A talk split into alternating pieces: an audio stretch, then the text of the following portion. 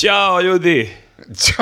Snimi Čekaj, ovu facu. čekaj, Snimi vidi se. ovu facu, malo Baš, sam- krupnije, baš sam malo. treba da vidim prof- i profesionalizam na delu, da se promeni odjednom. Ne, Ne, ne, ne, nema. toliko ste me nervirali. Šta se da prosto desilo? Toliko sam ljuta. Školovana glumica. Toliko sam ljuta da će mi trebati, evo, ruke su mi mokre i treba mi sat vremena da se odljutim. Samo smo najnormalnije Mm. pričali. Ne, samo je najnormalnije prezivao Teodoru 70 ja ne znam puta. o čemu pričaš. E, dobrodošao Dejane. Evo Bolje ga vas ovaj lik naš. iz, evo ga ovaj lik iz History Casta. E, Da.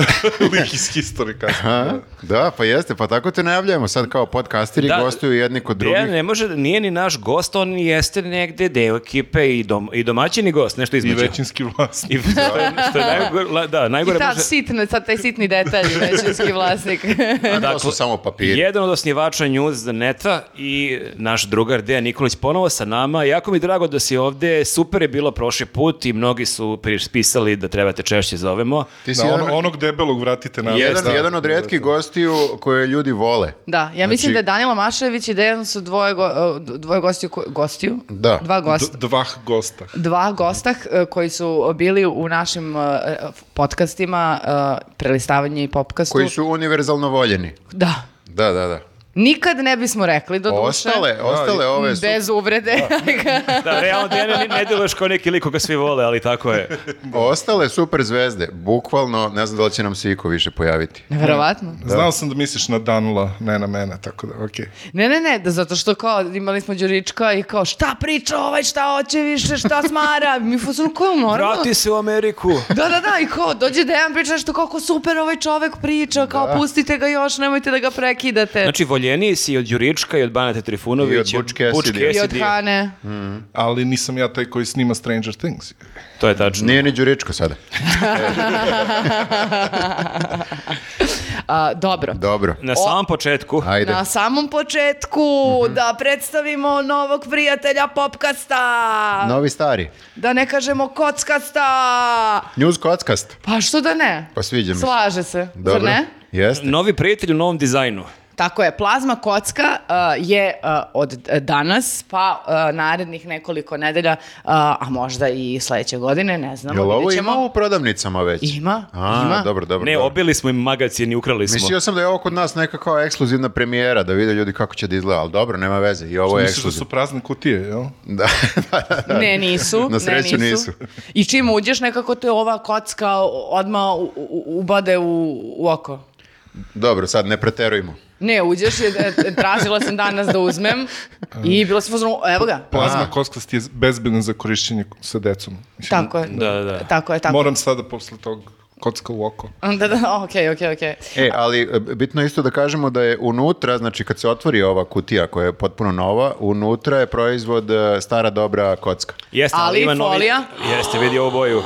Magija, dobro, bebo! da. Ja- Folija. jadni ljudi ja koji sam sa- odmah prešao na stvar, na Jadni unutra. ljudi koji samo slušaju, dakle sad treba kao u radijskom Šta? prenosu dopisujemo, znači ovo je koja boja, Ali nikad moramo ne znam malo te ovim boje. glasom je- lepim. To je Ovo kra- ljubičasta. kraljevsko ljubičasto. Kraljevsko. Predivna Purpurna. folija, puno, je- pune boje. Purpurna kocka. Da, i ima ovaj metalik srebrni uh, uh, odsjaj. Tako je, tako je, tako je.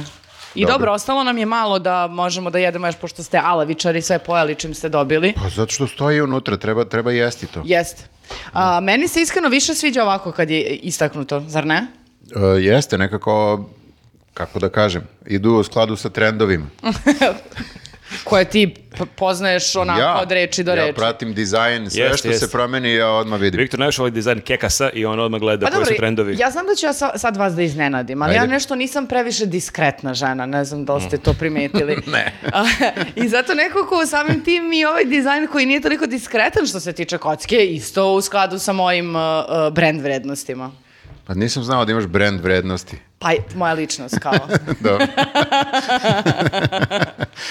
A, dobro, a, imate dakle dva ukusa, ukus, ukusi su nepromenjeni, ali dizajn iz polja i unutra E, a, o ukusima unapređen. ne treba raspravljati.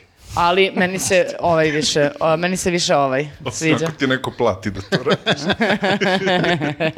I dobro, dakle, kockast će biti narednih nekoliko popkasta. a, Si rekla kockast će biti narednih nekoliko Tako je, popkasta. tako je, kapiraš. Dobro. Kako sam to odradila. Dobro, dobro. Da, da družit, će Život se, će družit biti- ćemo se ovaj, sa, sa ovim eh, kutijama i sa, naročito sa onim što je unutar kutije. A, to- to- ja sam sigurna da vi hoćete pre nego što ja stignem da, da se dotaknem. Pa ti onda stigni na vreme nekad. Nego, ko je još sa nama?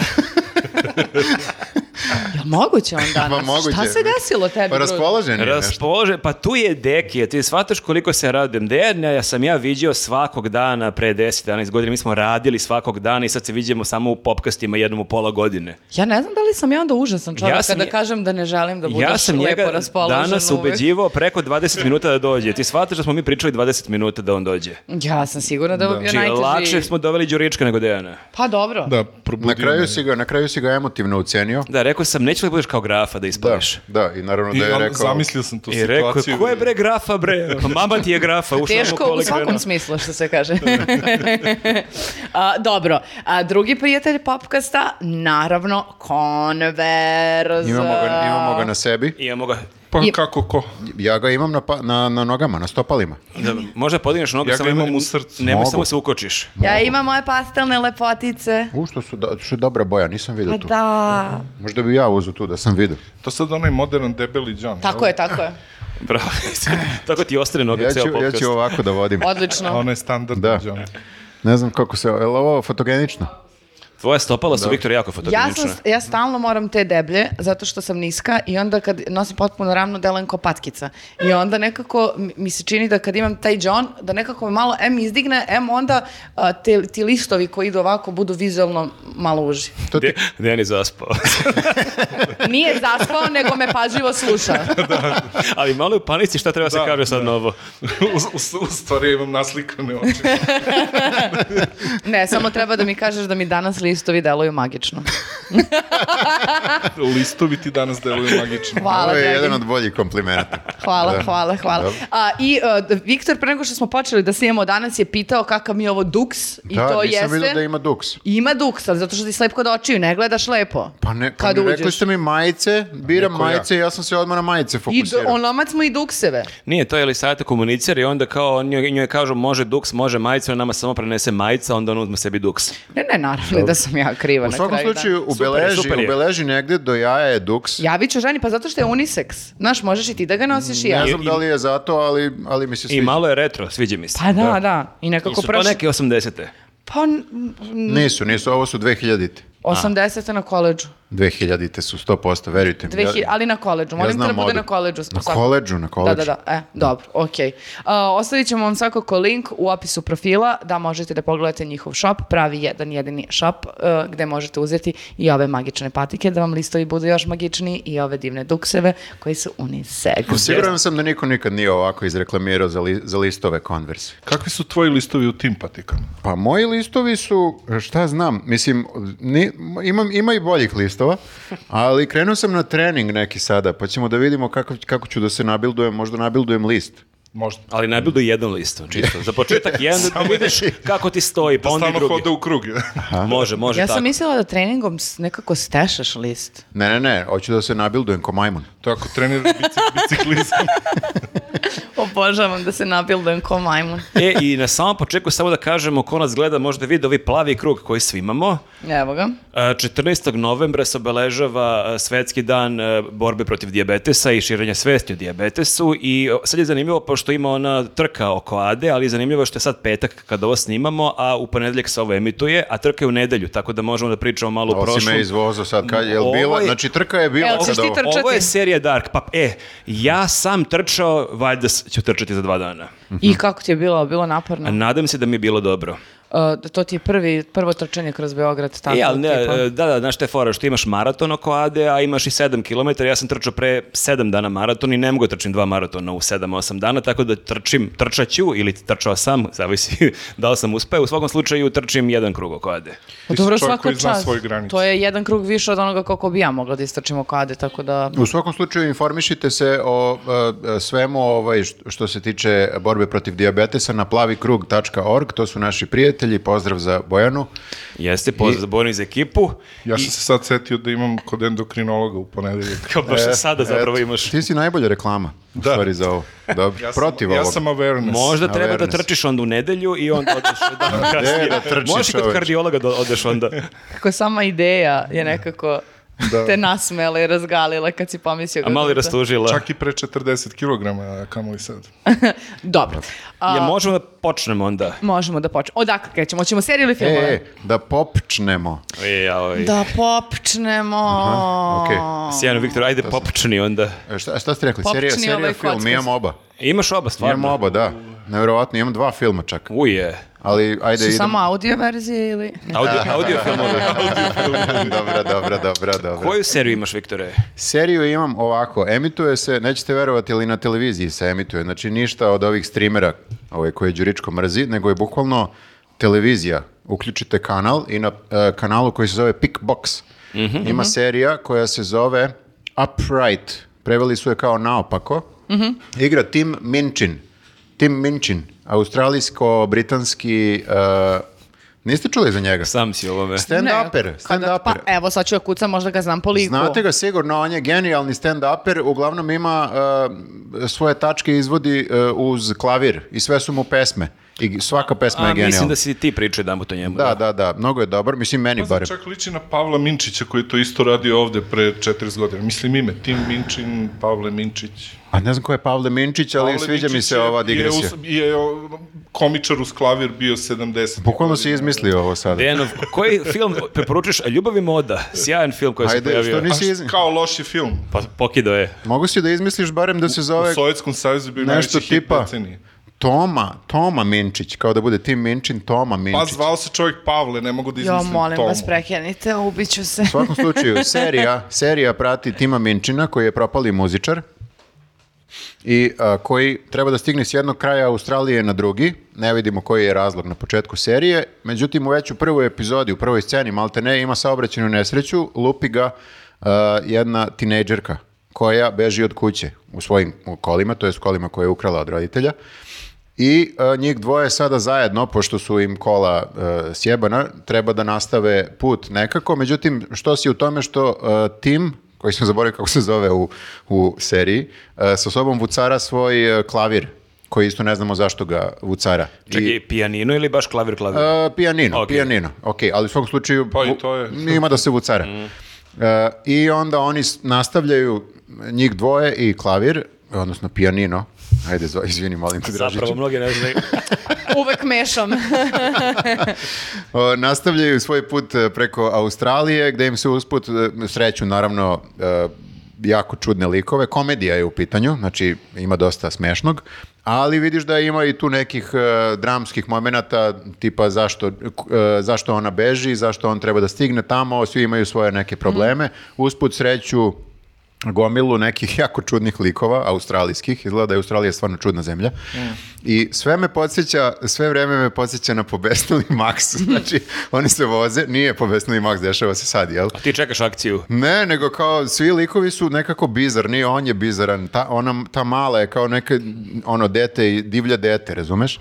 I sve je, ovaj, sve me podsjeća sve vreme na, na pobesnili Max. Nekako nije čudo što se A jel to, to srećio tamo... neke e, životinje u Australiji, pošto je tamo isto priča da koliko A. paukova možete ubijati. Jao, i Neke jeste. nije. motocikliste koji ih O, jure. mo- motocikliste, motocikliste sreću, imaju sa njima ovaj okršaj i jure ih u, u nekom A. trenutku. Da, da, ima, ima Pa Ti si svega. gledao seriju? Gledao sam Mad Max.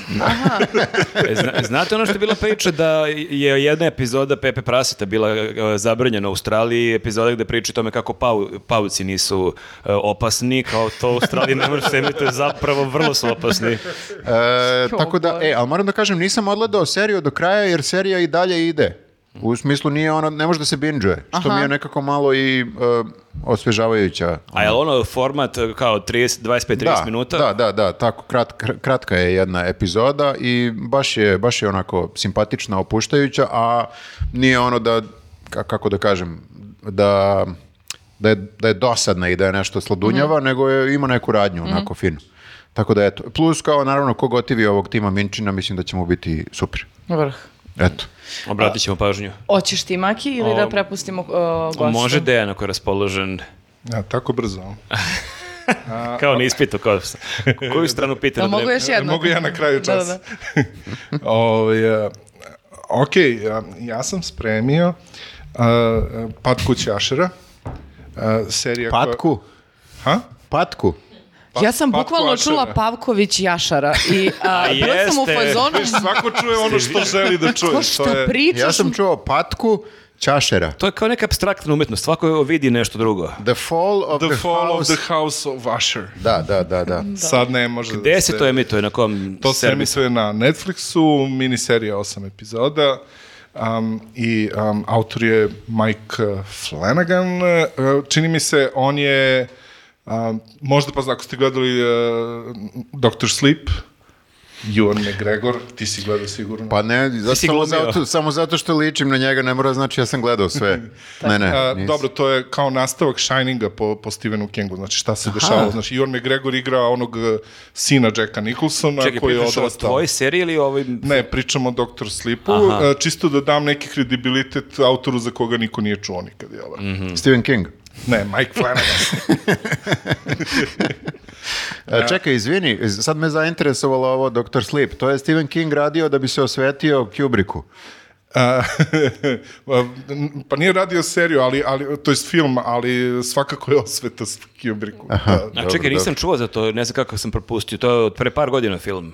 E, da, da, igra, baš je ono, A-listeri igraju, Ewan McGregor, Rebecca Ferguson, e, koja igra sjajno. ono, Ja bar meni se bukvalno dopala. Nisam, nisam, On skroz mi je je promak. izmislio ovo, ja mislim. Da, da. Isto kao i Pavala Minčić.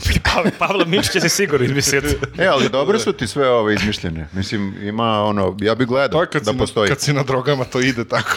Da, A čekaj, šta i ka- i ajde da- da se vratimo na ovaj film, dakle, znamo kako se završava Kubrickov film, šta se Da. dalje dešava, on prati te likove koje, Prešli koje smo sa prežive. serijem, mogu o ovom Pa filmu? ne, ne, u samo filmu je- digresije, pa zvuči mi sad ovo zanimljivo, Da. ne možda te tako zaintrigiraš i kao idemo dalje. A, am, pa u principu, naravno, am, deca igraju a, a, glavnu ulogu, oni su, znači, e- ekipa koju vodi Rebecca Ferguson, nešto kao, kao grupa džipsija, jel da, idu okolo i kradu decu, i, m, nije baš politički korektno danas, ali recimo 70-ih bi se potpuno uklopilo u narative po svim kućama u Srbiji.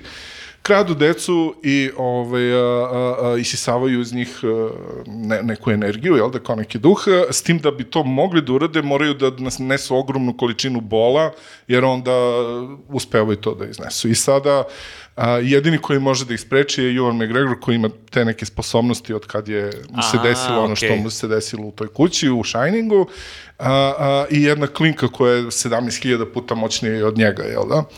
I, i, I onda s- praktično kao neka bitka dobra i zla, što je uvek tema kod Stephena Kinga, jel da, ali na nekom a, a, Paranormalno. paranormalnom nivou, naravno. A čekaj, recimo ovaj House of Usher uh, je isto neki, uh, ono, paranormalno nešto ili... A, vrlo. Znači, House of Usher ti je a, a, kao suc- horror succession, recimo. Znači, Meni je rekao danas preko telefona, to je kao horror succession, rekao sam ovo je kupljeno, ja ovo gledam. Bukvalno paranormalno. Ne, Znači, hvala. kao kad bi pomešao Succession i kad bi pomešao American Horror Story, Mhm. recimo. seriju. A, s tim da taj horor je, ima ogromnu količinu paranormalnog i mističnog u sebi. A je li baš strašan horor? Znači, baš je strašan horor. Znači, nešto što, što čak i nisi... Recimo, jedino š, čega se ja sećam da je kao serija strašnija od ovoga je... Um, The, uh, the uh, House of the, Hu- on the Haunting Hill, jel? ne mislim da se tako zvao, pre 30 Zvuči mi godina. poznat, da, I da. meni, da. To nisam Znači, gledao. ja mislim da je to najbolja horror serija ikada, ovaj, a, am, ali a, a, a, ovo je jednostavno a, bizarno strašno. Znači, kao da je Dario Argento seo i opet napravio nešto, a, s tim da ima tu estetiku American Horror Story-a, znači, am, am, jednostavno, dosta dugo ne znaš uopšte o čemu se radi. Treba da izdržiš prve, recimo, prvih par epizoda, a, s tim da, da odmah na početku se, se spojluje sve. Znači, u prvih dva minuta serije gde se kaže da su ono sva deca Ašerovih pobijena na, na, na vrlo čudne načine, to su kroz naslove novina i tako dalje. A, a, I onda saznajemo u stvari šta se dešavalo. A, s tim da a, kako su, kako su rekli uh, Zoran i Đorđe u podcastu Filmoholik.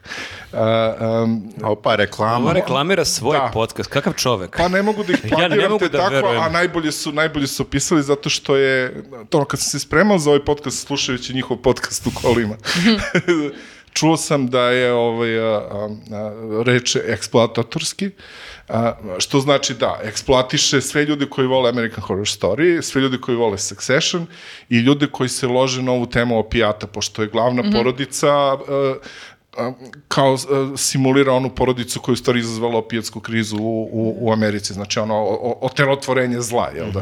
I to je sad popularna tema, bilo je ona serija i sada... I ovih- neki dokumentaraca dosta je iskočilo na tu E, temu. Jeste igrani dokumentarac Mhm. praktično, a, to je radio onaj a, Berg, kako se zove.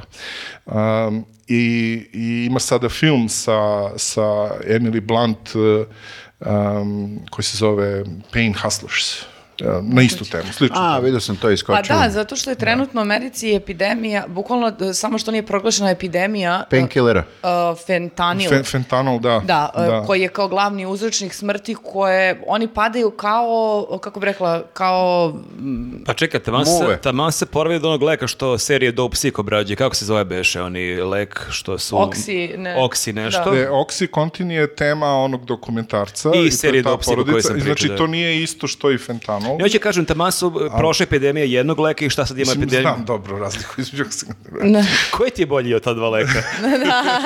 koji, koji više preferiraš? Da. Ne, Ovo je ne pijem zajebano to. zato što e, su e, čak e, i razvili neki blokator koji ukoliko primiš rok od ne znam koliko minuta, e, možeš da preživiš, jer imaju toliko e, ogromnu A imaš smrt- dovoljno vremena da, da, da odeš high da budeš, ali te onda spreči da umreš od toga. A, pa ne, otprilike zato što je overdose sa tim količinama užasno zeznut, jer su to sad karteli, ne, ne znam, čak i neki kineski uključeni i tako dalje za sve te sintetičke droge koje ljudi konzumiraju, koja je dovoljno da ima samo mrvicu toga, uh, kao bukvalno na vrhu olovke da stoji, dovoljno je da, mo- da si ono instant mrtav. I sad količina ljudi koja je, je umrla, na primjer, prošle godine i ove godine je značajno veća i oni više nisu znali šta da rade, znači kreću se edukacija po školama, ne znam, fakultetima, m, ne, zdravstvo, bla, bla, bla, ali su usput razvili taj blokator da makar malo povećaju šansu, jer kao svesni su da sve ide A i edukacija. da, a i da nekako da im ne, ne prsne tržište.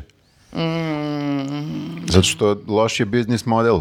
Svi će ti pomru. Da, da, ako svi koji Kome treći ćeš da kupuju, prodaš? Pa Upravo dobro, to. da, ali sad su Ali ima jako puno ljudi. Mislim, stvarno. Čak i previše ima ljudi. Jako mnogo ljudi ima. Meni, je, e, ne, meni je to zaista fascinantna tema. Evo čak mi je ovde i tab otvoren uh, fentanyl uh, abuse. uh, u Americi. Naručivala si. Ne, nego zato što je to tolika količina ljudi koja je u jednom trenutku krenula da umire od toga da je sada opšta Mislim da panika. je procena, ja mislim da je nekoliko stotina hiljada ljudi. Tako je, tako je, tako je. Ozbiljan broj, znači nije kao malo, nego... Da, da, tog, leka kapiram. ne, tog leka nema kod nas. Ili To mi zvuči da nije lek. Dobro, Moram da tog. kažem. Oni- Ja mislim, ja mislim da je Oksi bio ovde u neko vreme. Čuo sam za njega pre nego što sam čuo da je da je malo štetan. da je štetan, ovaj, ali nisam ga uzeo. A, a fentanil sam čuo samo u okviru, ono kao nešto iz Meksika prelazi granicu i ubija Amerikance. Tako je, tako je. Dobro, znači, okej, širimo ovde awareness o tome, nemojte da gurate svašta E u sad, sebe. ova serija uopšte U nije o usta tome. konkretno. O, Nemojte da gurate svašta u usta. Tako je, tako je. Dobro. Izvini, molim te. A, a, ovo je samo kao neka, a, da pomogne nama da ilustruje koliko su u stvari svi ti ljudi zli koji su Da. glavni junaci. Znači, ono, čim se bave time, zli su i kraj priče. I svi su zli u seriji. E, Kao Succession, Da, znači da. nema sad zli, znaš, znači jednostavno ne postoji niko za, za koga ti je žao kad, kad, ga, ovaj, kad ga smaknu. A, a smačinjanje je izuzetno kreativno, strašno i... i um, Krvavo. i, i Neprijatno i, i- za onoga. Mm. I, ka, I kamera se ne sklanja baš previše. A znači krvavo je. E, Nije strašno kao da je spuki, nego je baš Nije- krvavo nije strašno. gore slash i ono, znači ne ide neko tamo sa nožem i kolje ljude, a, a, nego je paranormalna situacija uvek, a, a, s tim da prvo u- udara na psihu i a, ta paranormalna okolnost je u, predstavljena u liku Dešavaju nam se ovde paranormalne e, Da, stvari stvar, sa, da. sad kad si počeo da pričaš, ali samo ti nastavi. Mi se uvek pravimo kao, Ja- da, je- kao da nema duhova Show ovde. must go on. Ja sam mediji, znači kad pričam o ovome. onda- Ove, a, znači Karla Gugino je predstavlja, glumica predstavlja ta, tu paranormalnost, Mhm. znači kroz njen lik se sve to manifestuje um, i o- ona je inače predivna, pretalentovana i prelepa, I italijanka. a, verovatno poreklom, da. Ne Sjajan znam, komentar. prvi, prvi put čujem. A kako da bude ako italijanka? Ka, kako, pr- pa Karla Gugino, italijanka. Mislim, A, da, ali, okej, mislim sad da uzmeš telefon da, da izgooglaš Karla Guđinovi i Sad ću to da prepoznao uradim. bi je, eto. a, A ti se malo uvredi što mi ne znamo toliko, pa i Viktor se malo uvredi što ne, Ne, znamo. nego znam pojedine- da znate, nego ne obratite pažnju ljudima na imena. Ljudi imaju imena i prezimena svoje. ja znam samo Tima Minčina, Prošle- danas sam prošle- zapamtio, ništa I više Pavla ne znam. Minčina. Ali Pavla Minčić. Minčića. Čovjek je odavde. Bukvalno prvi put vidim ovu ženu, mislim, Daj jeste, da vidim jeste ja sad. lepa, ali, ali... A, ne, igrala je negde. I, negde. Igrala je negde. Evo.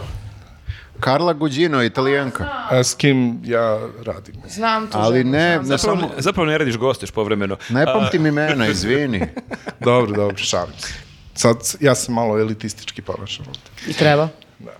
Ove, a, Da, u Sin City. a glavnu mušku ulogu igra Bruce Greenwald. Njega znate, brate, sigurno. Da, da. Da. Jeste, meni je on jedan... Tako da, je, da. Bruce. jedan od omiljenih Drugi omiljen, glumaca. najomiljeniji Bruce mi je Bruce Willis, pa Greenwood. onda ovi drugi Bruce. Wald. E, taj. Da, Wood. Može i Wood. Da, da, Bruce Greenwood. Kako da ne? Dobro, e, jeste. Da. Meni su njegove ranije uloge bile znatno bolje od ovih kasnijih. Plava faza mu je strava. pa sa moje strane. Ovaj, a, a, inače je trebao umjesto njega da igra Frank Langella ili Langella. Presti nas bombarduješ imenima, o čemu se E, radi? Zašto, on nas voli? Ali je cancelovan, mislio sam da će to da vam bude super tema, zato što je čovjek cancelovan zbog seksualnog eh, zlostavljanja ili šta već. O, Pa. super. A inače, on je glumac, jeste gledali Frost vs. Nixon? A, A, ne. Nixon, to je Frank Langella ili Mhm. Langella. klimajte glavom. U Ej, nekom prova- momentu ćemo, E, lju- poneset ćemo imena u nekom momentu. E, Znači, ovo je podcast o pop kulturi, hvala. da. Ljudi će nas provaliti da mi ne znamo ništa, Dejane. Znam ovog Nismo čoveka, to rekli. on je glumio i Oz- Ocean's Eleven, uh, onog dedu koji kao se onesvesti da bi oni uh, skrenuli pažnju, hitna pomoć, da ode, Ne. sećaš se kad guta lekove, jer ima Ne, čije. ali, ali liče. Nije, ali liče. Ovo je najgori popkast. Da, Strašno. Što? Prestani da nabreš imena. Ovo su kao oni likovi kad pričaju o futbolu krenu da izvlače rezerve Tottenhema i rezerve ono Southamptona. Mi s razlogom... Slušao sam filmski podcast u kolima do ovde, ljudi, pun sam informacija. Da, Ali mi nismo toliko stručni, mi, ni- molim te nemoj da otkrivaš to Ali ljudima, zato misliš što- da smo glupaci. Nije, zato, ja ne pamtim imena zato što nema razloga, ljudi, imate na internetu sve. Znači, šta ja da vam Dobro, kažem prošli put sada? niste znali Giovanni Ribizija, pa sad, dobro. ajde. Ma ja, Ali vidiš što je vidi počistio, kako koja je ne, tek ima pot... i beleške, jebote, hvata, šta je, šta, sve nismo znali. Posljednji put u ovom popkastu, Dejan Mentalno. Nikolić. Naš osnivač je došao u stvari danas grdi. Ja ovde. sam u fazonu, ako zapamtim kako se zove ime serije ili filma, ja sam moje uradio. Znači, ve- sve imate tamo na IMDB-u, Aj- ko aj- ajmo- glumi. Ajmo ovako, ajmo, ajmo, jed- ajde da se Ajde, vratimo na ajde, ajde. korak. Ok, ste čuli za Edgar Allan Poe? Jesmo. Jesmo, Da, bravo. E, pa po njegovoj noveli je rađena serija. Je, jer smo sad na istoj strani. A da, Bravo. Tako, to je A odmah nam trebalo da kaži, To kažeš. znamo. Dobro, daj nešto što znamo. Ne, Ovaj, bukvalno međutim, sam- osjećam naravno, se kao da pošto- sam upao na neku pretencioznu sedeljku na fakultetu. da, da. Znaš to kad krenu da se frljaju to rediteljima i je glumci. iz, glumcima. da. iz Good Will Hunting, eh, ovaj, a, a, kada u... U baru, no, ono, da, Da, baš, da, da. da, to. E, e, bukvalno to. Um, ne, ja sam mislio da treba pričamo o seriji, o filmu. ne, I dalje nas roastuje. pa- da imam ne mogu da verujem. znalce na Došao je ovde da nas sahrani. Pa ne, ljudi će stvarno provaliti da mi nikad ne E, znamo ti, ništa. ako te pozovu u šok koridor, idi tamo pa se kurči. Ovde pričamo normalno. ne znam korejski Ovaj, filmove. Okej. Ove, Sorry, znam Šokira- korejski film. Pa, sigurna sam da ti sve znaš. ne znam. Ne Znači, Follow of the House of Asher nema veze sa pevačom Asherom. znam. E, nema. Što sam baš mislila da je neka priča o krizi njegove Mada jed, imperije. jed, jedna od e, znači jedna od e, ćerki je crna. A, zato što je glavni Asher spavao sa nekom... e, Ašerom pravim. To bi u stvari bio bolji zaplet od ovoga. Ne, ne, Asher- u svakom Asher- slučaju, to je b- mnogobrojna porodica, jer, tre, jer u svakoj epizodi jedno dete strada, mislim nisu deca, svi su odrasli ljudi, ali su deca ovog glavnog ašera. Mhm, Ove, a, a, i, I onda, pošto imaš osam epizoda, mora da ima puno dece, jel da, pošto uvek je oko nekog od njih kao priča. To je jedna od onih varijanti gde imaš pozadinsku, jel da, priču koja, koja se vuče, on to sve priča glavnom misleniku, to je Znači, ti faktički na početku svake epizode znaš koje će lik da strada u toj epizodi. Ta, na početku znaš da su svi poubijani. Dobro, a onda konkretno radimo Nemoj. pet I onda epizodi ovog konkretno je lika. ovaj, ovaj, ovaj. Kojim redosledom samo, da vidimo i na koji način. Ok, A, lepo. Tako je, ali na kraju se to lepo sve... Ovaj, a, Ti nećeš ovo gledati. Što, što, je- Neću što, ni je- ja. što više ide a, ka kraju, a, a, više dobija smisla cela radnja. Znači, treba preživeti prve dve epizode, recimo. A, To su a, i oni I onda rekli. ide sve bolje i bolje, da. Ma nemojte me, molim. vas. To, su- to, su, Ne, ja, to o- su Jašerovi rekli. Ko voli, ko voli horor, ja kapiram da je ovo do jaja. Jeste. Da. Znači, a, a, baš je horor. Ali I, sad si i me baš je zaintrigirao. gadan i A to stravičan. kažeš gadan, ali nema kao klanje, pa šta je to gadno? Te, kako njih ta paranormalno i šta Pa nešto? da jeste, vuče? verovatno i ganjaju, nekako i mentalno zna- izluđuju i e, onda e, ubijaju. Paranormalno, e, p- e, psihički, a onda, a onda se završi sve vrlo materijalno i fizički. Mhm. Ovaj, a, Kao a, so. I, i, I kažem, na vrlo kreativne načine. Ovaj, a, a, sad neću da otkrivam, nek se ljudi iznenađuju, jel? ali Mhm. um, Jedan od načina je da mu nabraja sve glumce u seriji. I da ti gleda u oči. Ne seri da ne znaš za njega.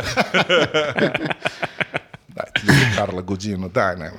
A ne, ne, ne, sad kad Sad sam je stvarno video... znamo, znamo, kad smo videli znamo. Da, da, da, hvala ti što si mi natrao da pogledam. Ima šta i baš da je- se vidi. baš je lepa. Pa da. Ove, a, a, dobro, sad je malo starija od tih slika, ali... Okay. E, dobro. E, znači, a, preporuka je samo ako voliš horor. A, inače, ne baš. Ne, ne, ne, okej, okej, nećemo. Nećemo, okej, Ne, ne, ne, nećemo. ne, čim je on rekao paranormalno, Ti se, izgubio tebi me. se već znoje dlanovi kad je krenuo da Ova nabraje. ruka mi i dalje mokra, ali ne zbog njega konkretno, nego zbog tebe, jer si me nervirao. Ka- kako si ti horor imala pre početka ovog popkasta? A, a, hoćeš sad ja ili ti? ajde, pričaj.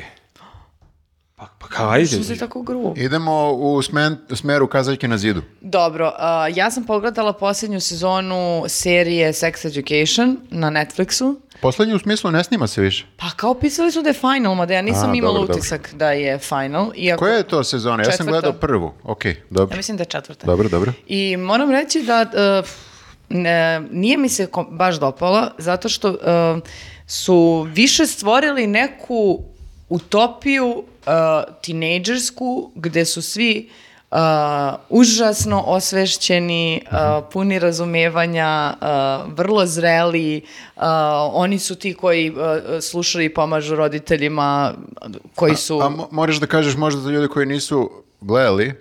ovaj, dobro, dakle, to je a, serija Šta o je ti- zaplet?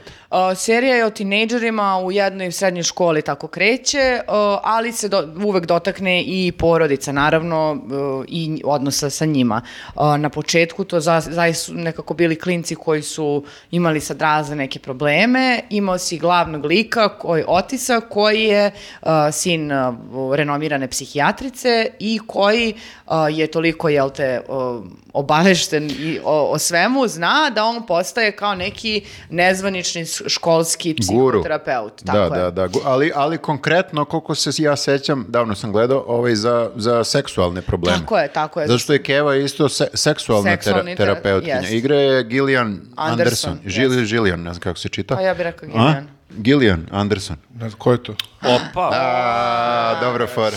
A, Skali iz Skali i Mulder. Skali iz Moldara. tako je, tako je, tako je, tako je.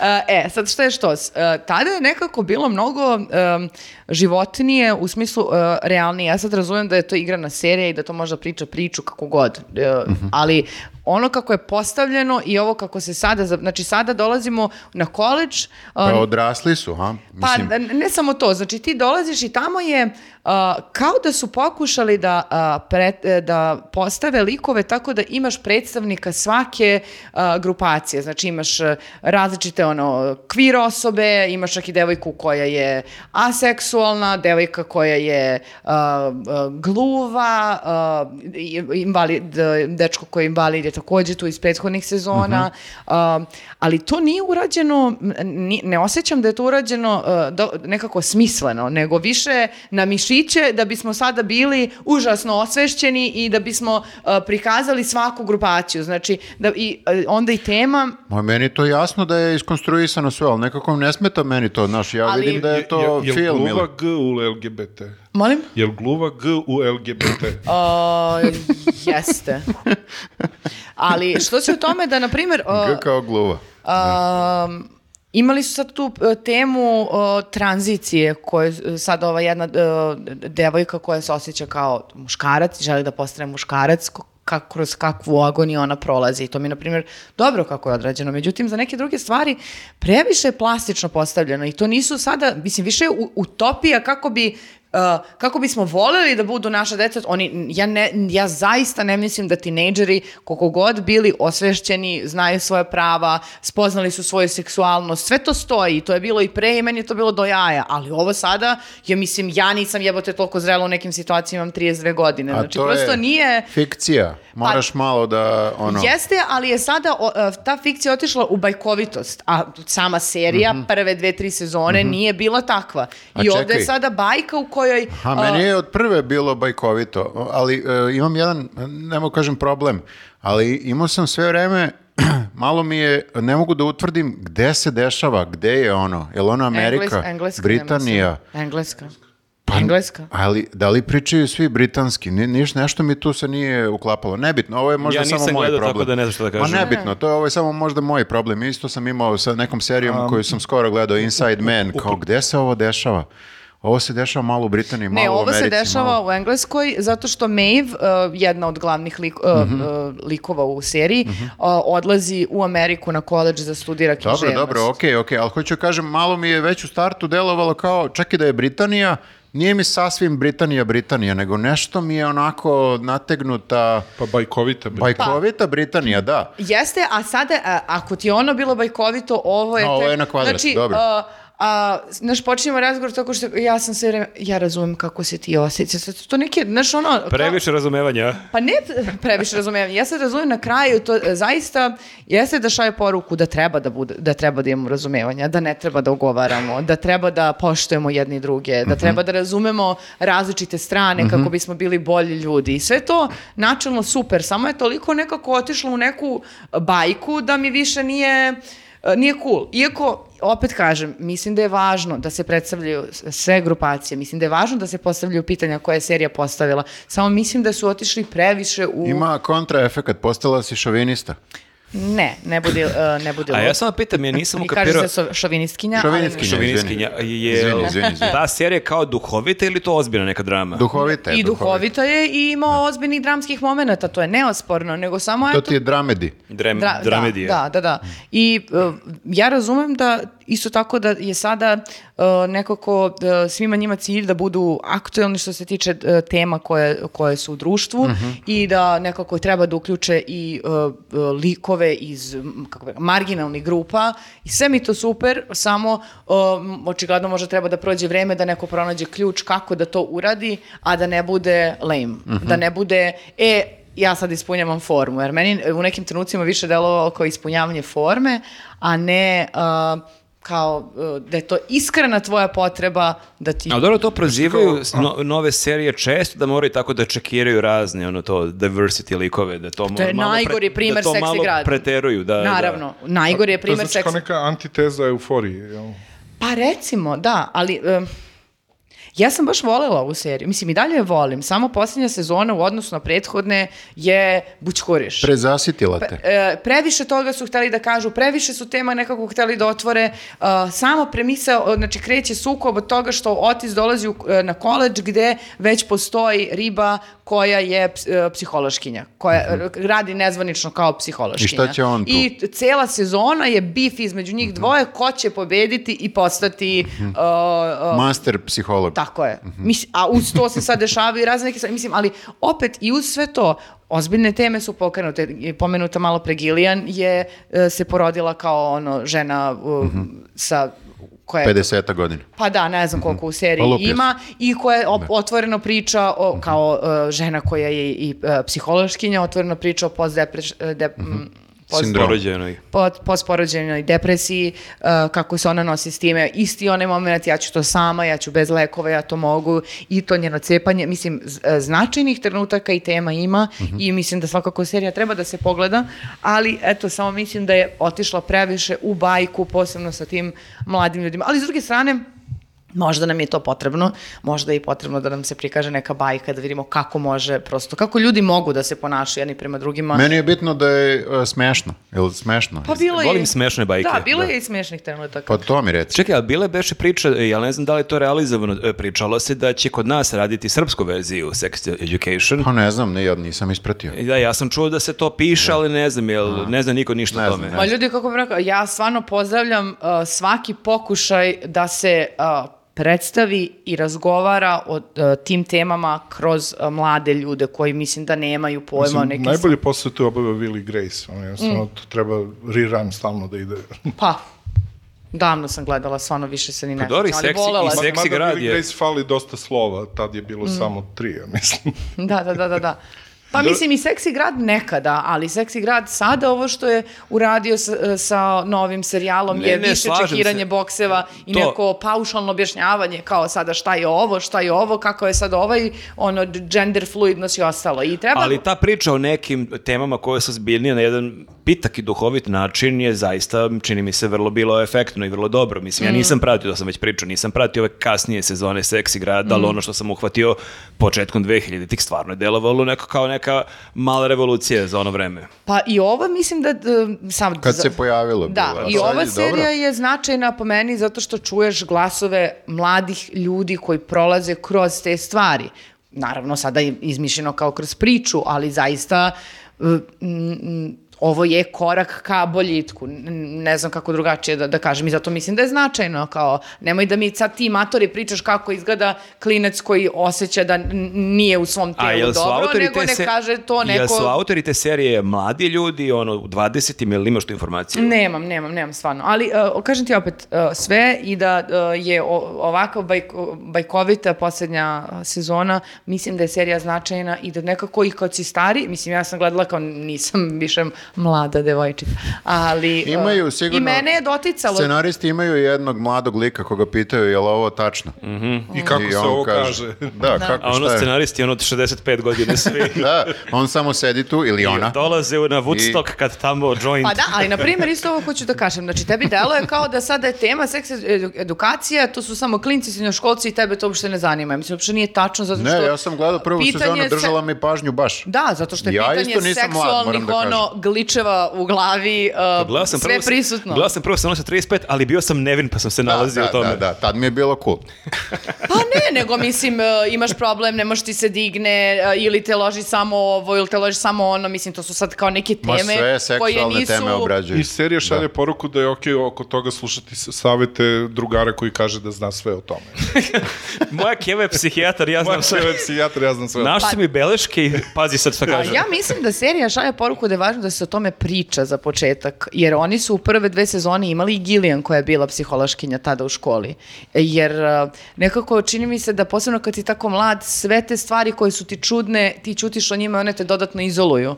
I onda kao, mislim da je preporuka bila pričaj sa nekim, pa će da... Ali uglavnom e, klinci vole pričaju s klincima, neće pri, A, pričaju s naravno. Gillian. Pa, Tako da- dobro. Da. Eto. Uh, tako da preporuka u stvari, da. Iako, mislim, malo nije. Svi ducnuo- Za četvrtu sezonu ili sve đuture? sve đuture. Znači, stvarno mislim da serija treba da se pogleda, mislim da je značajna i dobra, da pokreće razne teme, da nema veze koliko imate godina, uh, svakako može negde da vam zapne ako me... Nema, nema sledeće sezone zato što su oni odradili svoju misiju. Znači sad je sve okej. Oni Da, su više popravili nema problem društvo. nikakav, da, I, da. i da. svima se diže. Ili se ne dižer ne žele da imaju seks. I to je kao... Da, bre, ne žele da im se diže. I ova druga strana uopšte zbog toga. U redu razumem zašto ti se ovom trenutku Hajde da ne diže. pričamo. To nema nikakve veze sa mojim izgledom ili ma- da bla bla bla. Okej, da. Tako je, tako je, tako je. Eto, to je to. Dobro, dobro, zanimljivo delo je. A, ja sam gledao posljednje dva dana jednu seriju, holandska seriju u pitanju i Toliko slučaj... se spremaš za popkaz? Dva dana samo. Dva dana kampanjski, da, i, e, od osam epizoda pogledao sam prvih šest, nisam pogledao cijelu sezonu, ali jako mi prijela serija, ja sam mislio da ću pričati o onoj drugoj seriji, ali ću vratno sledeći put o tome i slučajno vidim, e, zove se Ferry, kao po- ime FRRY, Aha. i e, Vidio kre- sam. e, na Netflixu se pojavila, Da. mislim, A, ne- ja sam mislio da je nedavno. belgijska. Okej, dobro, A, dobro. Holandsko-belgijska, je, Dobro, dobro. Da. zapravo. Mnogi ne znaju. A, I jako mi je zanimljiva serija, a tek sam e, danas kad sam krenuo malo više da čitam, shvatio da je zapravo to postojala neka holandska se- holandsko-belgijska serija pre dve, tri godine Undercover, koja isto ima na Netflixu i dalje tu postoji, koja je postigla neki veliki uspeh, koja govori o t- nekim policajcima koji su se ubacili u neku ozbiljnu organizovanu mafiju, neka mafija koja pravi ekstazi. I e, ta serija je postigla uspeh, pa je snimen prequel film e, Ferry the Movie, a ovo je prequel tog filma. Dakle, idemo sad skroz unazad s tim što ja nisam gledao ništa ovog kasnije. Dakle, mi u ovoj seriji gledamo uspon nekog lika sitnik krimosa, sitnijeg dilera, njegov Dobro, dobro. uspon koji će dovesti do toga da u onoj seriji koja smo već gledali, to jest ja nisam gledao, koja je snimljena, tu je već neki narkobos. Dobro, dobro, Znači, dobro. kao kad bi Izvozao gledao- si nas, ali okej. Kao kad bi gledao ono Šarića, ali ova je serija kako Šarić počinje. Da, da, A da. A već- Šarić je već negde a već, si- započeo a već i- si gledao seriju o Šariću kao narkobosu. E, taj neki Mm, okej. fazon. Kao Game of Thrones i uh, The House of Targaryen. A, E, okej, da, ja jest, sam Ili Da, jest. Narcos. potpuno, ili Better Call Saul, prosto gledaš Breaking Bad, pa Da, da, da, da. tako da mislim, nije prvi put da se Mislim ovo da smo vrati. objasnili što znači prikvel. Dobro. Našem kolegi grafi smo to objašnjali jedno de- 11 puta. Ne, ako se mislim da sećam. je shvatio do sad. Ja, ja mislim da je shvatio. Da. Da. tako da je meni zanimljivo što ja uopšte nisam vezan da- za tu seriju, pa kao ja baš da vidim kako je počeo ovaj lik, nemam pojma koji je taj lik, a inače je zanimljivo, to sam pročitao da je ta serija, ta undercover, rađena po istinitoj priči, dakle, postoji taj neki lik, sad sigurno je to dosta izdramatizovano, ali serija e, jako je zabavna, počinje onako, prva epizoda ima taj neki vibe e, malo filmova Guy Ritchie, malo kao da gledaš dvocevke Snatch, dakle ona je jako duhovita, zabavna, tu je neki, neka k- krimogena ekipa koja pravi neke prevare, neke spletke, pljačkaju nešto, ali protkana je jako dobrim humorom i nekim komoči- komičnim situacijama i onako vrlo ide lagano i pitko, a kako se, zo- kako se zona, kako epizode odmiču, ti vidiš da zapravo sve je nekako zbiljnije i sve se više vezuješ za, vezuješ za likove i sve više, sve je manje tog humora, sve više shvataš koliko zapravo hvataš njihove veze, ko je tu s kim, kakav background koji od tih likova ima, tako da me sad jako zainteresovala serija da pogledam do kraja, pa da vidim i tu kasniju, odnosno Mhm. ra- ranije snimljenu seriju, šta se kasnije dešavalo kad je, kad je on napravio neku imperiju, ali nekako je meni zanimljivo u startu Uh, bio sam u Holandiji dva, tri puta i nekako kad god tamo odem i u sve te zemlje uvek, sam, uvek pomislim kako je lako živjeti u ovim zemljama, koliko je sve sređeno, koliko je sve lepo, koliko ne moraš ništa da radiš. zapravo, a zapravo- Ali zapravo i dalje ne kapiram zašto bi neko hteo da proizvodi ekstazi i da ono rizikuje da ga ubiju u zemlji gdje ti ono od socijalne pomoći možeš da imaš jedan dosta lagodan život. To mi je u startu jer nemaš taj Ljudi moment. ne ču- žele čuvaš- lagodan život, Da, žele nešto milione. više od života. Žele uzbudljivo, Verovatno. divlje, neočekivano. Verovatno, jer uvek imaš taj moment u tim nekim serijama, ono, od Vajera, to, živiš na ulici, nemaš leba da jedeš, boriš se od malena, a ovde nekako u startu ti je jasno, a ti ljudi, ok, jesu oni neka, neko njihovo dno, ali to njihovo dno je negde onako baš prilično onako dobro, mislim, kogod Nije je- ništa u odnosu na naše dno. Pa ne, ti kad vidiš one socijalne stanove u Holandiji, kao to su ozbiljne zgrade, ozbiljni stanovi u centru grada, dakle nije to neki geto, tako da u startu pokušam da provalim uz celu tu seriju, a zašto ti liče ovo radiš, mislim, kao ubićete sutra neko možda, uhapsit ćete, mislim, mogu bi da imaš i Ti, lakši ti život. očigledno nemaš kriminalne ambicije, nikad nisi imao. Da nemam ni špijunske ni kriminalne. Pa ne, ali pazi, razumio bih to da ti odrasteš negde, stvarno nemaš leba da jedeš i borba je oko tebe, ako živiš negde, da, ako si na socijalnoj pomoći imaćeš ono, par A- da, za letovanje. Pa, Ali, ali čak i ovi u Vajeru nije im cilj da žive pristojno.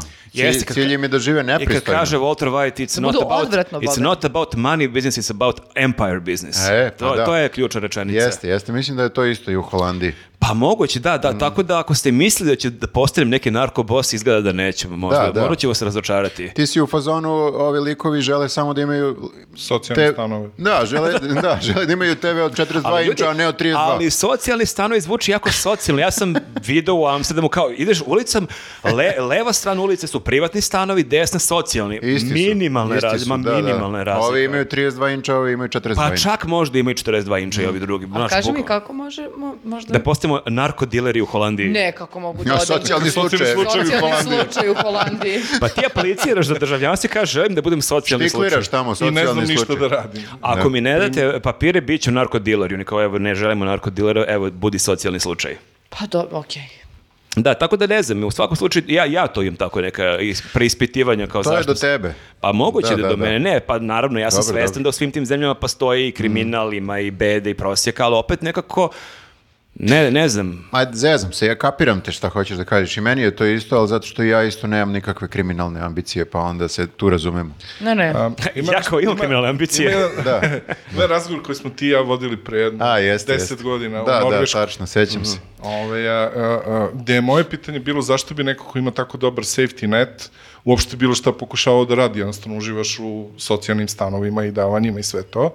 I ti si na to rekao da ti to pruža sigurnost da bez rizika isprobavaš šta god hoćeš. Da, Kako sam bio pametan nekad. si baš kidao nekad kad si bio mlad. Sad se ne bih i- setio i, ovo da i recimo kažem. isprobaš da diluješ drogu, razumeš, jer imaš safety Ne, net ne, da ja, se vratiš. ja, ja, da se ogradim, znači nije moja ambicija da živim negdje, da ne radim ništa da me izdržava država, uopšte ne, ali ok, a ti probaš da imaš neki biznis, ali biznis da te sutra ubiju tebe i ženu, možda, ajmo da probamo da otvorimo pekaru možda. Hmm. Um, Nikad do tebe kriminalca, Dražić. Slažem se, ja Ti sam... Na, Pekara ili, ima brašna dosta. ili be- zapravo, beli pr- najgore pokušavam da fintiram da sad niko ne očekuje od mene da postanem neki narkobos, kad Ili ono špijun. međutim krik A za... ti si u stvari u- učitelj hemije u k- krik- slobodno vreme. uh, Ko vam metnali ono? Hemiju baš nisam siguran da sam ikad znao, ali za pet godina Krijek istražuje ono poreklo imovine. A, Jel prelazimo na filmove? Ja bih htjela, izvini što sam te štrecala, Uh, ja sam samo htjela da kažem jednu seriju kratko, Ajde. uh, koju, smo gleda, koju smo možda ne svi gledali, ali možda neki ljudi koji nas gledaju nisu. Uh, ja sam počela iz početka da gledam Game of Thrones. Wow. Uh, ja sam se psihički Ne, čekaj, pripremala... izvini, Dražić nije gledao. Pogledao sam prvu sezonu, molim A, vas. okej, dobro, Ne, dosta, to je dovoljno stvarno, ti je ti to. si dečko to amater. ti je najbolje, nemoj više. Ne, to uopšte nije istina. Nije do- A razmišljam, ja sam počeo ponovno da gledam... Sa četvrtom Počeo sam možeš ponovno da gledam Dark, ima nečeg u tome kad se vratiš u nekoj seriji. Ima, da, Ali moraš naravno. da, a, dobro, znači ja sam dobro razmislila da li sam spremna da se posvetim. I boga mi, ja sam se posvetila. Znači, i to sam krenula zato što sam shvatila da je prerano da krenem sada a, Harry Potter a, s- filmove, jer to ide pred Još si mnogo mala. A Pa to za kad, to. to kad dobiješ decu, onda ćeš htjela, ne htjela morati da čitaš naglas decu. Ne, ne, ne, ja to gledam svake godine, nego još uvek rano, tek je novembar, treba da bude A u imaš decembru. kalendar kad se gleda Harry Tako je, Potter. zato što kao magija, novogodina... Ti baš imaš dosta vremena. Da, evo te, mogla bi Ti da mi radiš kažeš nešto. u dva dana si pogledao šest epizoda serije. A, Ali slušajte holandski narkodiler, pa kao, kako da odoliš? Znači, ja želim samo još jednom da kažem da je Game of Thrones jedna od najboljih serija ikada snimljenih. Ja je zaista Tako obožavam. usamljena u tom mišljenju. To nema nikakve veze, ja sam i generalno usamljena žena. pa vidi me kako mi je super. Pr- prvi date, Game of Thrones, kao fuck. A, tako da, a, a, zaista sada gledam nekako... Dokle si stigla? Sad sam na a, kraju četvrte sezone i... Čekaj, kad si stigla... U, odlično. Gledaš na ubrzano? Znači, prošla si Red Wedding. Da, jebote, kakva scena, sve ti jebem.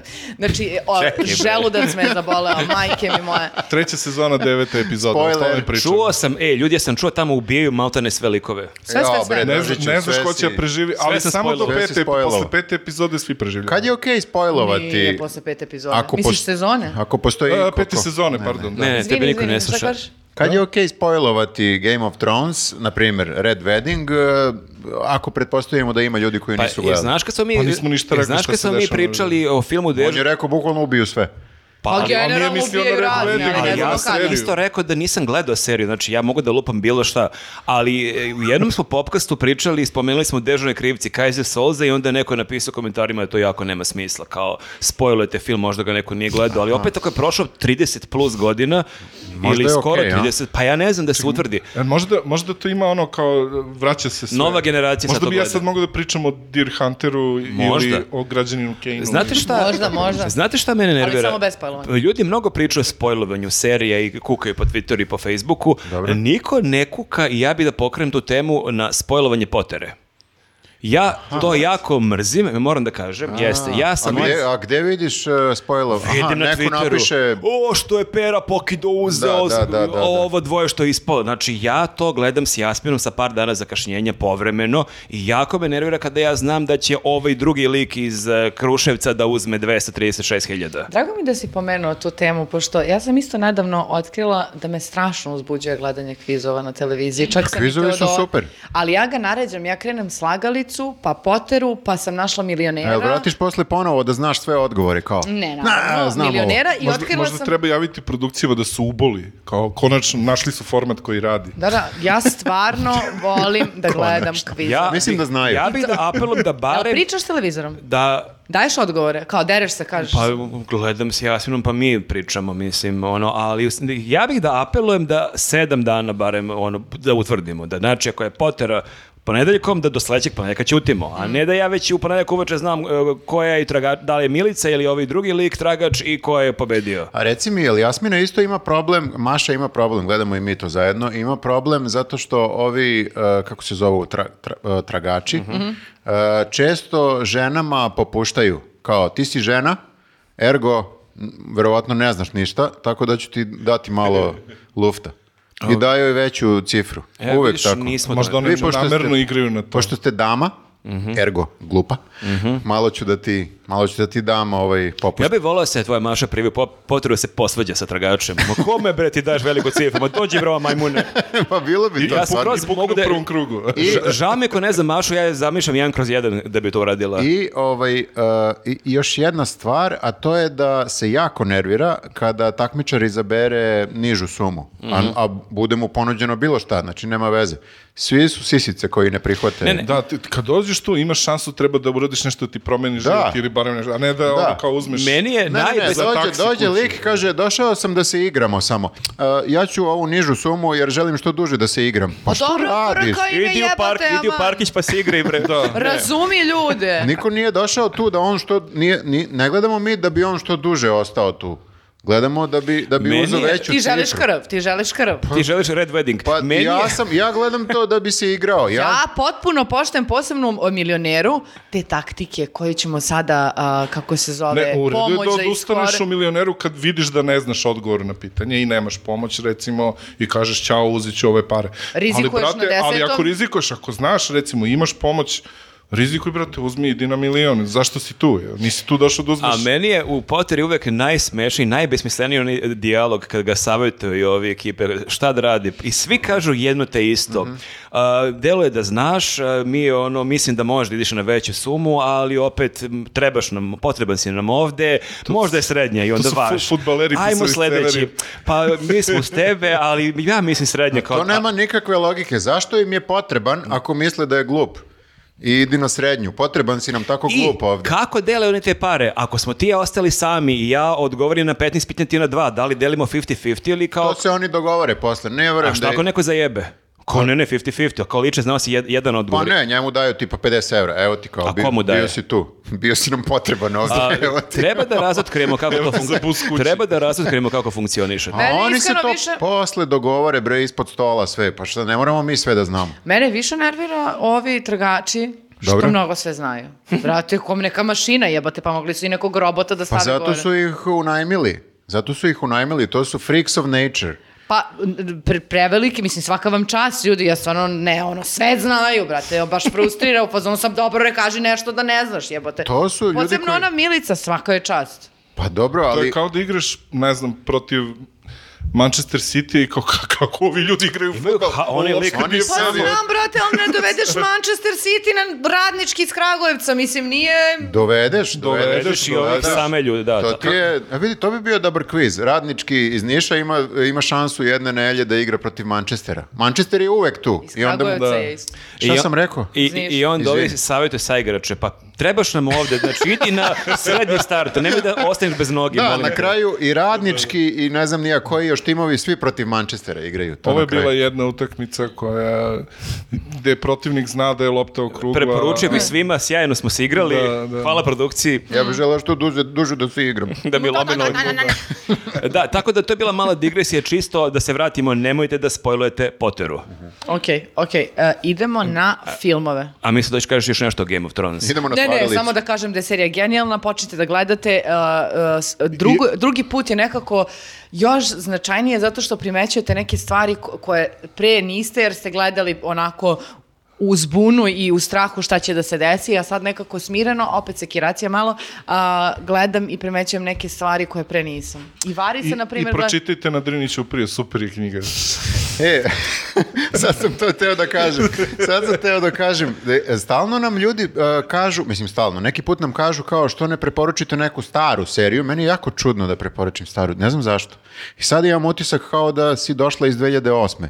i pričaš ovo U sad. prvi podcast koji postoji na svetu. Ne, bez uvreda, bez uvreda i ja volim Game of Thrones. Ne, ne. Je to zbog friz- frizure, hoćeš da Ja, Nego- sam, ja sam gledao tri puta celo, celo seriju. Bravo, ja, E, meni je sad- I ti imaš dosta vremena, ovdje si imaju dosta vremena, moram da Pa Dražiću, primetim. ne pričaj U pitanju je gluposti, time ti ćeš management i 56, nemanje dece. ono- I nemanje sna. Ne, ne, ne, e, nemam ništa protiv što si ovo rekla, nego mi samo kažem da mi je jako, meni bi bilo Mm. čudno, ne mogu nikako da se nateram da preporučim staru seriju, znaš, kao... Pri...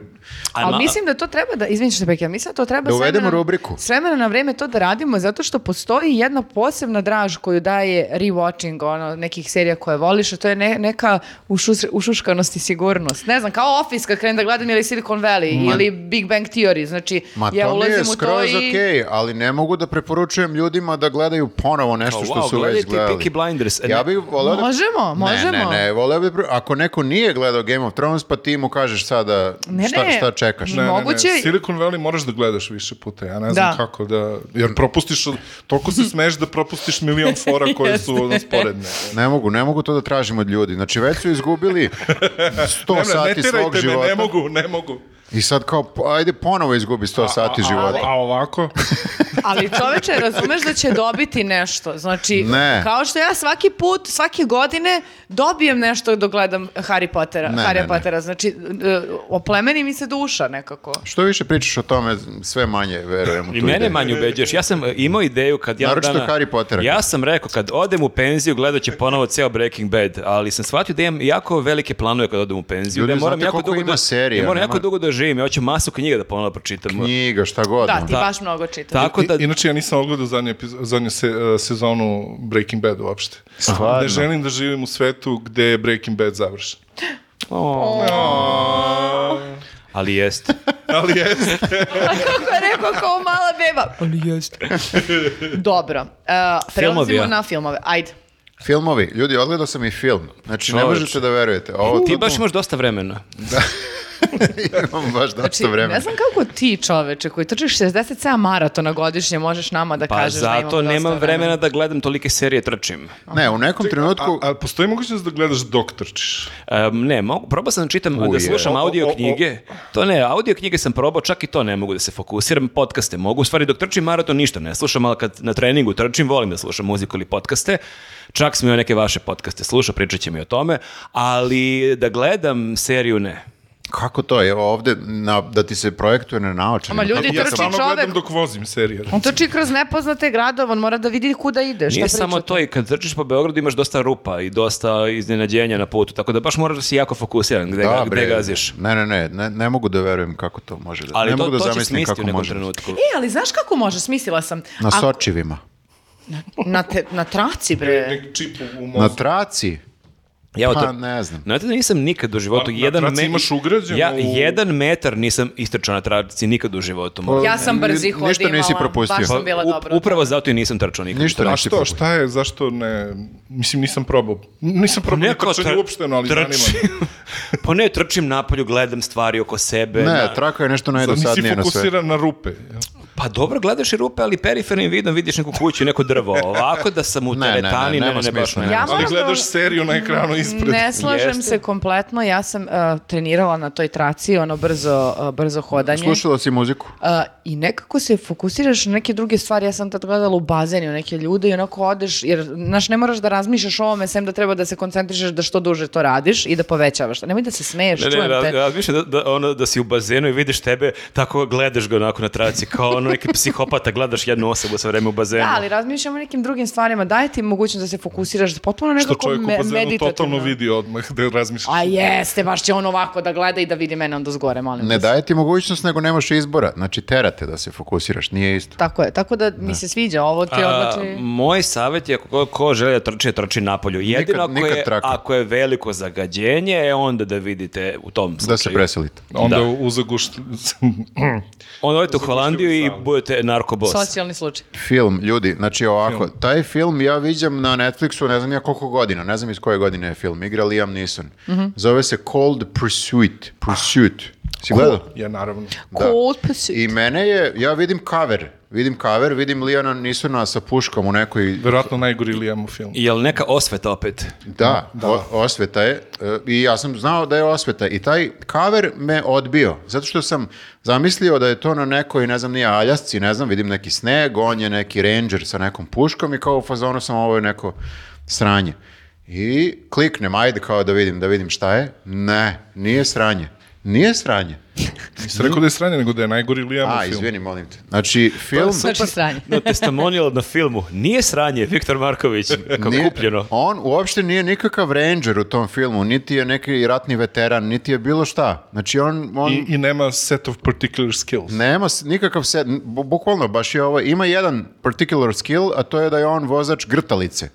Grtalice. Da, grtalicu vozi. Jedan od lik. boljih filmova o vozačima Kako grtalice. se kaže grtačila? Grtčila? Jebote, dobila sam šlog Šta- sad. šta- šta Kako se se, kaže desilo? čovek koji e, radi Vozač na grtilici? A, grtilice. vozač grtalice. Ne Da, mora to jedna sam reč da već bude rekao. uvek. Grtaličil, grtaličila. To, to. Njih se dvoje pokvarili tokom podcasta. Grtaličilac. Prekinite. Ali ovako je nekako i film. Ovako je, znači film je nekako vozite u neočekivanim šta je eh, pravcima. grtalica? Šta je grtalica? Snowplower. Ono što razbacuje sneg da bi ti mogao da prođeš. Znači, dešava se film negde blizu Denvera, neki, neki, neko zimsko, zimski neki gradić, eh, gde, koji je uvek eh, jeli, pun snega na nekim planinama i sad kao uve- on mora da vozi tu da, da bi razgrtao sneg. Ok. Uglavnom, zaplet. Njemu greškom ubiju sina Mhm. mafijaši neki koji se bave eh, švercom eh, droge i on Iz Holandije. iz Holandije, m, verovatno. Odakle druga? E, I on e, z- u početku uopšte nema želju za osvetom. On je slomljen čovek na ivici. Na grtalici. na- Tebi ta reč jako zabavna. A, i To zvuči, traži šansu da kažeš. zvuči jako moćno, ima tu zvučnost. Kako Ne, ste me provalili? baš? GRT. ne, ne, ne, počinje potpuno netipično za, Liam, e, za film sa Liam, Liamom Nisanom, a on u početku nema želju za osvetom. Tek kad sazna da mu je sin e, e, zapravo greškom ubijen i da mu je uopšte ubijen sin, on e, dobija tu neku želju, ali ne zna kako A što on prvo misli da je sin umro? A on misli, zato što je, e, su mafijaši namestili tako da je sin e, e, o- overdozirao. On se nije drogirao nikad. Nego u autopsiji mu to piše, niko ne istražuje slučaj, narkoman, bla, bla, bla, čao, zdravo. I tu bi se i završilo da on slučajno ne otkrije, jeli, da mu je sin ubijen zapravo i tu kreće on na misiju. Međutim, Uh, likovi u filmu su svi urađeni jako dobro, svaki ima neku svoju mini priču i zapravo je komedija na kraju. Ni uopšte nije akcioni film, jer on nije akcioni junak, on ne zna ništa da radi, samo da vozi grtalicu i ima samo tu želju, eto, da se osveti, a to mu je u stvari umesto terapije, ta, ta osveta. Mislim, jeste... sva- Prepisao mu doktor ili? pa ne, nego kao on je to shvatio da, da Ima mu je to jednog jedino što mu psihijatra je na koledžu ostalo. koji je priučen jedino što mu je psihijatra. ostalo da radi u životu je da se Bivši sveti. drugar iz srednje škole.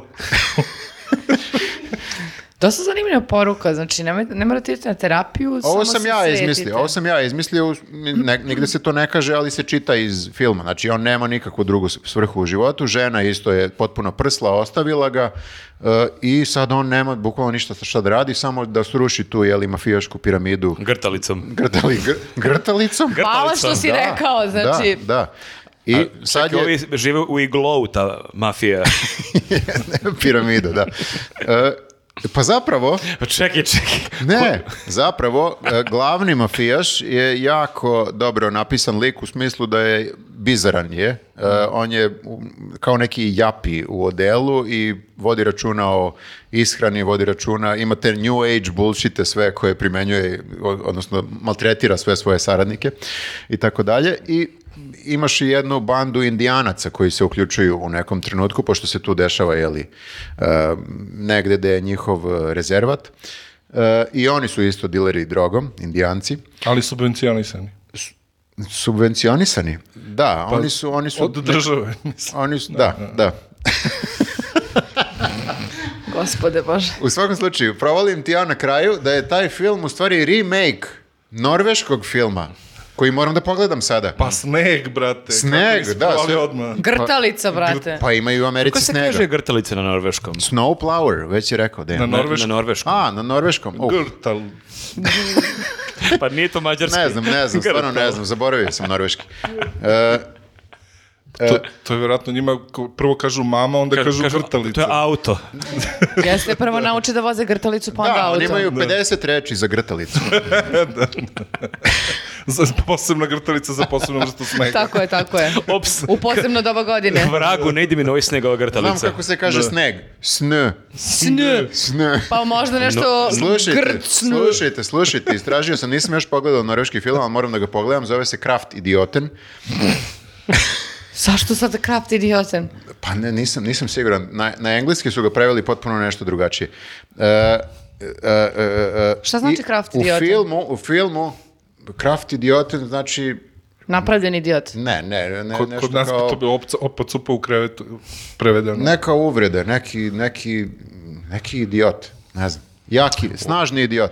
Ako želite nor- norveški kao ovaj čovjek, upišite školu norveškog. Pa to vam je neki idiot. Prestani da ponižavaš svoje e, p- I Pošto prijatelje. kraft je zanat, Zanat, možda u- zanat, umešan nešto je idiot. zanat, zanat, da. Znači, t- mnogo je dobar idiot. Samo je za to dobar, samo je za grtanje. idiotir- za, a, za grtanje. za grtanje, da. Da. Pitanje, okej. E, u filmu, u filmu Norveškom... Grtavičari. Slušam te, slušam te, pratim te. Nisu indijanci banda, nego je srpska mafija. Wow. Srpska Pa mafija. dobro. A ti si to čitao, nisi gledao. nego si Na, pro- čitao a. sam na, na Wikipediji. U Norveškoj? Glavnog, Verziju. glavnog, da, ne, ne, ne. Glavnog e, lika, glavnog mafijaša srpskog igra Bruno Ganc, Ok. Mhm. a jedan od mafijaša je naš proslavljeni ovaj, glumac Sergej Trifunović. Znači, to mora da se gleda. Ja, da. To mora da se gleda. On verovatno gine u Pa prvoj on je sceni. nama, kad smo bili s njim u onoj emisiji, rekao, tebi baš rekao da je on malo učio norveški, da je Jeste. snimao neka dva filma, očigledno je to taj... Jest, to je, jedan od njih je taj. Da, da, da. Znači, on zna kako se kaže grtalica. na On norveškom. sigurno zna. Sigurno. Da, da, rekao mi je nekoliko rečenica na norveškom, perfektno. Mhm. Da. E, u svakom slučaju, jako zabavan film. Možda je kraj malo zbrzan, možda im je ponestalo trake Ili snega. ili snega, E, ali e, e, jako veliko iznenađenje i samo nauk meni da klikćem na sve. Znači, nebitno... Životna lekcija, gledajte sve na Netflixu. Zato što me potpuno me odbio taj cover. Obično, obično A Netflix jel ti zna šta da mi gledaš neke servira. ono ocene, IMDB, Da. Rotten Tomato, nešto? Mm. Ne. Ne. Ja Ovo baš- gledam opis na Netflixu i kao... mm, No, ja baš gledam, jer nekako ako Dobro, ti vidim... moraš Ali, da... ali svi filmovi, osim onih najepskih, e, na kraju se normalizuju između 6 Da. i 7. Ono, Ne, i- ne možeš Pa da, da znaš. ako vidim da je ocena 5,2, kapiram da je velika šansa da mi se neće Za, dopasti. za serije to funkcioniše, znači ako je serija ispod 7,5, onda je... Da. mm, Ono, Ja za filmove ako jurim da ih gledam dobro, gledam to šta je bilo, ne znam, Kan, Venecija, Berlin. Ma, izvini, pa ne, malo. ali ako hoćeš tako da gledaš Tako šta da je... nagradu A, žirija. ako je da- Festival dobro. nitratnog filma. Pa ne, ti ali ako nikad- hoćeš da gledaš neki kao film, onda gledaš na tom, po tom Ne, ne, principu, ne, a ne. ovo... I onda sam ja elitista. Ne, ne, ne. Što znam kako. Pa Ne, kako zato ćeš što mi je ikad lijepo. odgledati neki film sa Lijamom Nisamom? On nikad nije bilo On sem nikad. što Pa verovatno Schindlerovom neću, listu. ali hoću samo da kažem da a, masa filmova I koja Michael ima Collins. lošu ocenu zapravo budu dobri filmovi. Love Naravno, Actually. I zato ne uzimam to kao... Naravno, ali ako imam kapacitet da pogledam dva filma u dve nedelje ili jedan film, dva, tri filma mesečno, neću da gledam neko potpuno sranje, ajde da, da barem pogledam neki korektan film. Velika, znači, preporuka za Cold Pursuit. Pa Shit. I, I tamo e, s Norveškom. jed- jedva čekam da gledam Kraft Idiotin. I, g- i grtanje. Da. I grtanje, naravno. Okay. Super, super. Eto. A pazi, su- počinje grubo i onda, i onda ti praktično pređe preko... A čekaj, on ti si gledao izađe- taj film isto? Ne, ne, nego reč, grta lica. Znači, A, imaš ti si još- nazalno, a, i- a i završi sa nežnim lica. Mm. Zbog toga je Grta fascin- lica. grta lica. Grtalica. No, grta lica. Grtalica. Dobro, e, da pređemo sa grdelice na film koji je Dejan gledao. E, meni je, a, ono, kad sam završio Ašera, ovaj, a, iskočio film i morao sam da gledam, jer, jer je film koji sam gledao pre, ne znam koliko, 15 godina. Znači, stari je film s početka 2000-ih, ja mislim. Igraju Paul Bettany i Dennis Quaid i još plejada talentovani glumaca kojima ne znam imena. Um, I a, u pitanju je film Legend.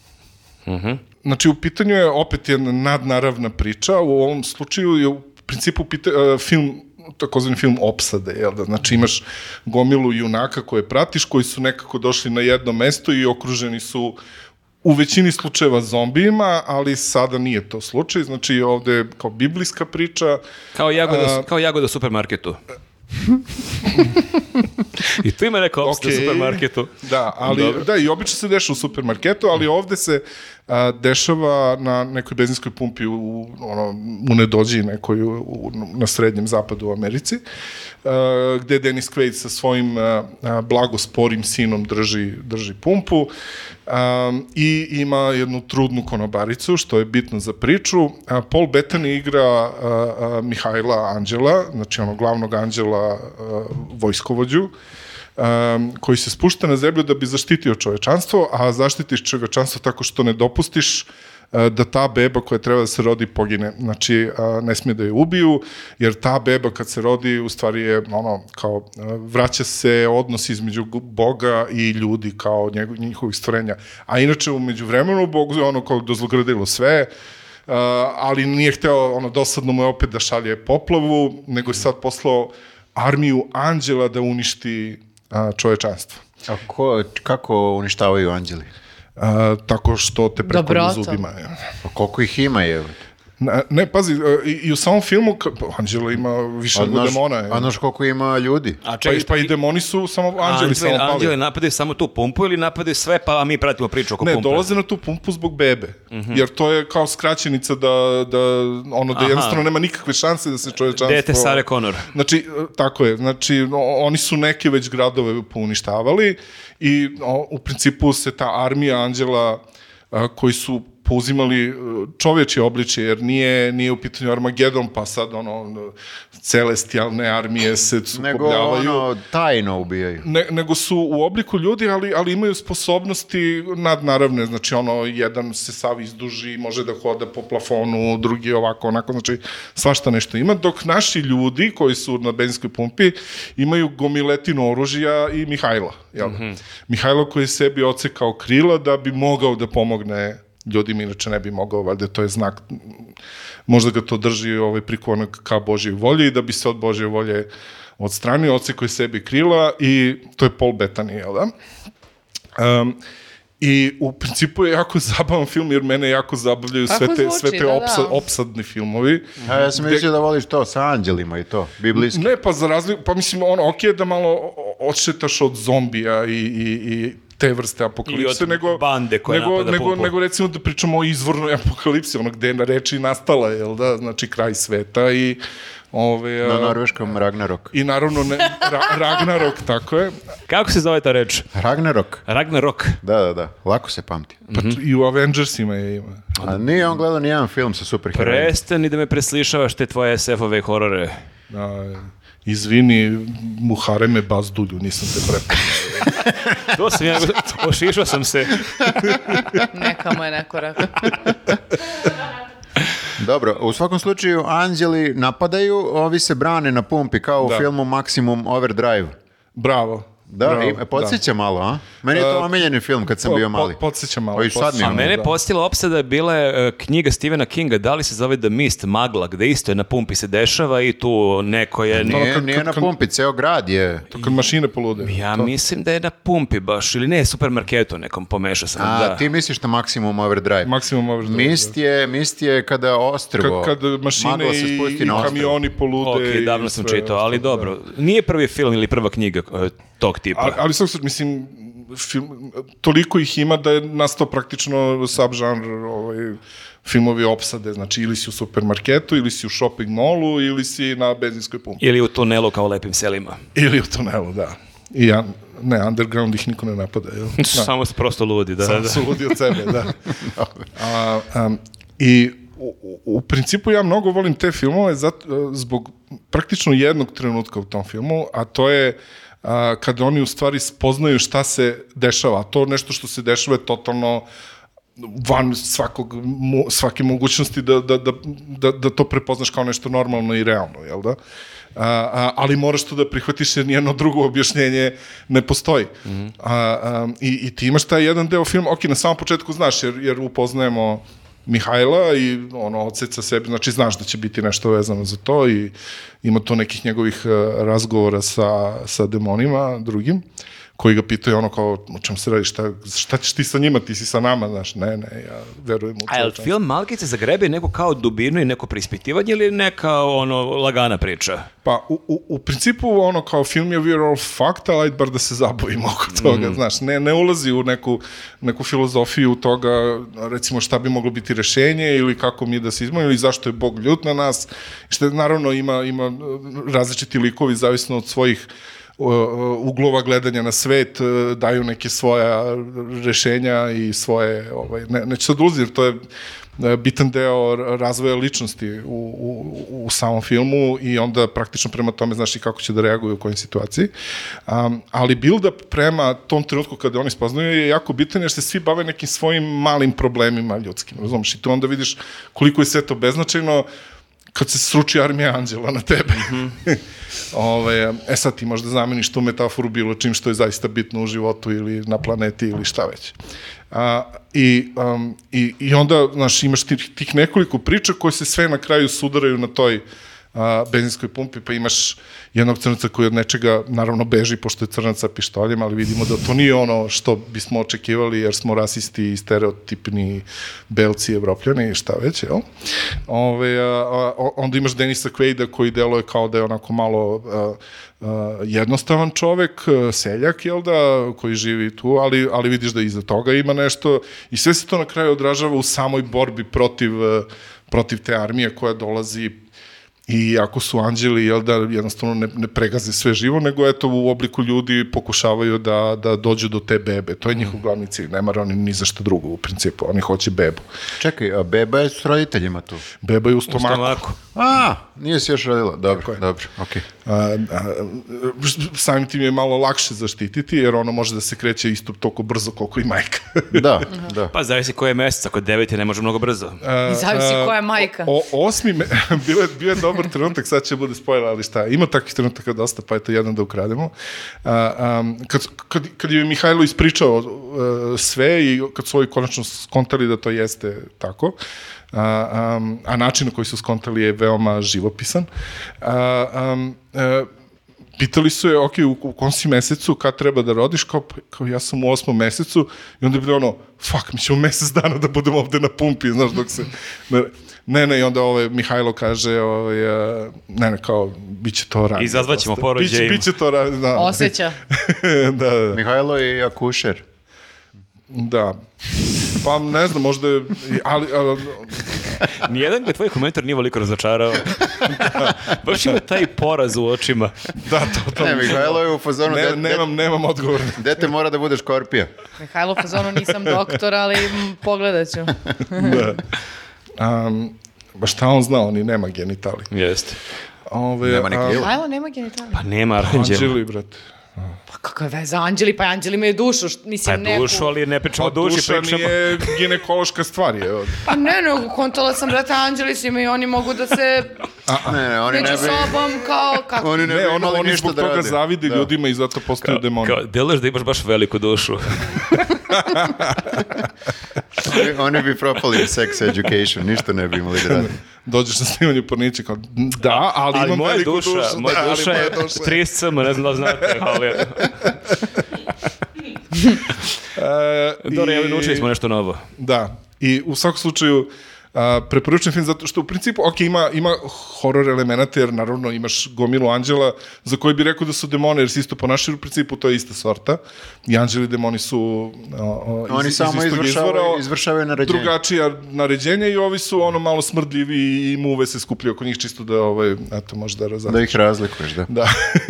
a ovaj, a, um, i, i u tom smislu baš preporučen film, jer a, ako voliš, znači akcioni horor nije previše strašan. A ima ali komedije ili nema komedije? Ima, naravno. Ne Znači može ima sve ovako nešto. žanrove. Sa, ono što nisam siguran jeste da li je namerno komičan, ali nije bitno jer se smeješ svakako, razumiješ? Mhm. Znači u nekim situacijama stvarno, jer, jer pre talentovani su glumci da, da ne iznesu ovaj materijal. A je li tog filma ima na nekim streaming servisima ili mora da se Netflix isto, ono, Aha. Mhm. bukvalno kad sam završio Ašera, to mi je iskočilo kao, aha, ti voliš ove bizarne horore, evo ti ovo.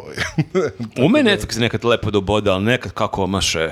Ume, ne, ja kažem, samo da promene te kavere da bi ja znao da kliknem. da, ovde imaš um, Paul Bettany sa, sa ovaj, uh, Ne, anđelskim ne, kliknut ću, krilima. ubedio si me, kliknut ću. Okay. Opisujemo thumbnailove sa Netflixa, prepričavamo. Ne, jako je bitno, znaš, i ovaj film što sam, o, o koj- kojem sam ja pričao mi je tako kao... Ali ti si rekao baš u popkastu pre nedavno kako si provali da Netflix kada ne klikneš na thumbnail nekog filma ili serije da ti oni onda promene. Da, i Tako da očigledno- ovo što je Dan video možda ti nećeš videti. Da, da, da, Ti ćeš možda da vidiš trudnjaču. Dobro, dobro, okej.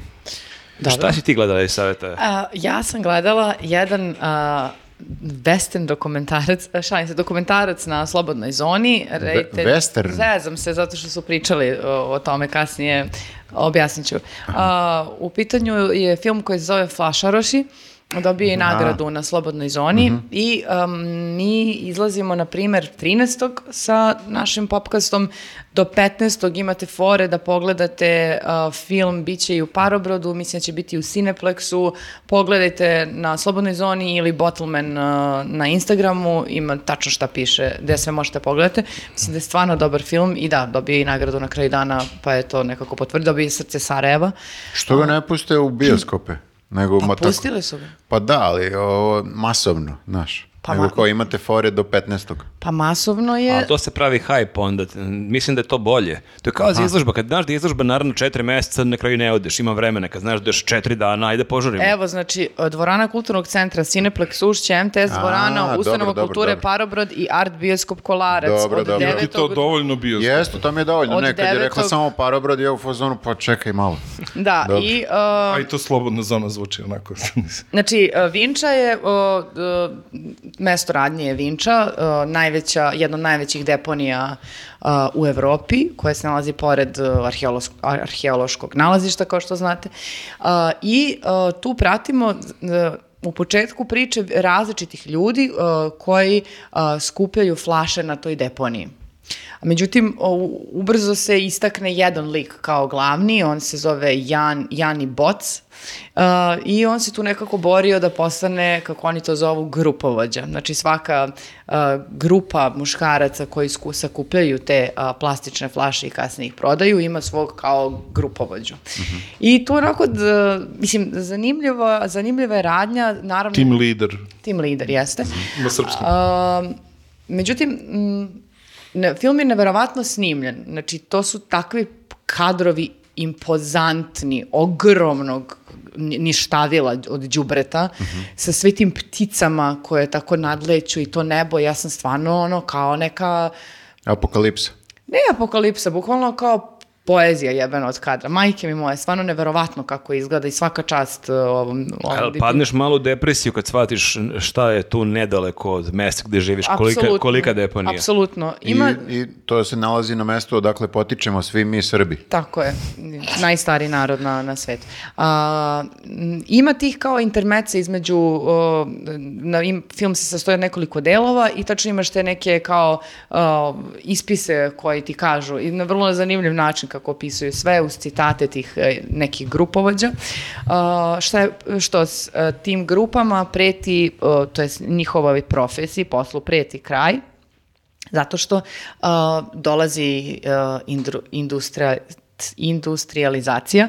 A, dakle, po- postoji projekat pr- po kojem će se otpad u Vinči a, Recik- radi, a, Aha. Mhm. obrađivati na drugačiji način uz pomoć mašina, tih nekih traka i tako dalje. Gentrifikovat će Da I deponiju. tu oni neće imati šta da rade. Mhm. Pritom, znači, o, ti o, sve dok gledaš to, o, počinje o, film požarom koji je tamo nastao, gde čovjek govori ne smeš da ideš gore zato što možeš da upadneš, jer je to sada, to su o, Grotlo. Da, da, da, to su, mislim, planine džubreta Mhm. koje ti sad ne možeš da dođeš gore. Možeš da upadneš u živo đubre. Tako Mhm. je, tako je, tako je. I opasno i užasno, zato što, o, zato što idu te mašine koje to sve melju. A čekaj samo da oni sa pitam, strane- ali je to što će te doći do te industrializacije, je to dobro za nas Da, kao jel- za jel ekologiju? navijamo za to Da, jel ili- navijamo za ili protiv, jer meni... Ili je- jadni flašnaši ostaju Pa bez to, posla. to je, jel to treba se identifikujemo sa njima ili da kažemo, ok, oni će naći drugi posao, morat će, ali barem će biti čisti vazduh. Pa ja sad stvarno ne znam šta će nam ta, e, kako bi rekla, ind- industrializacija doneti, s obzirom na to da nije fokus bio na tome i da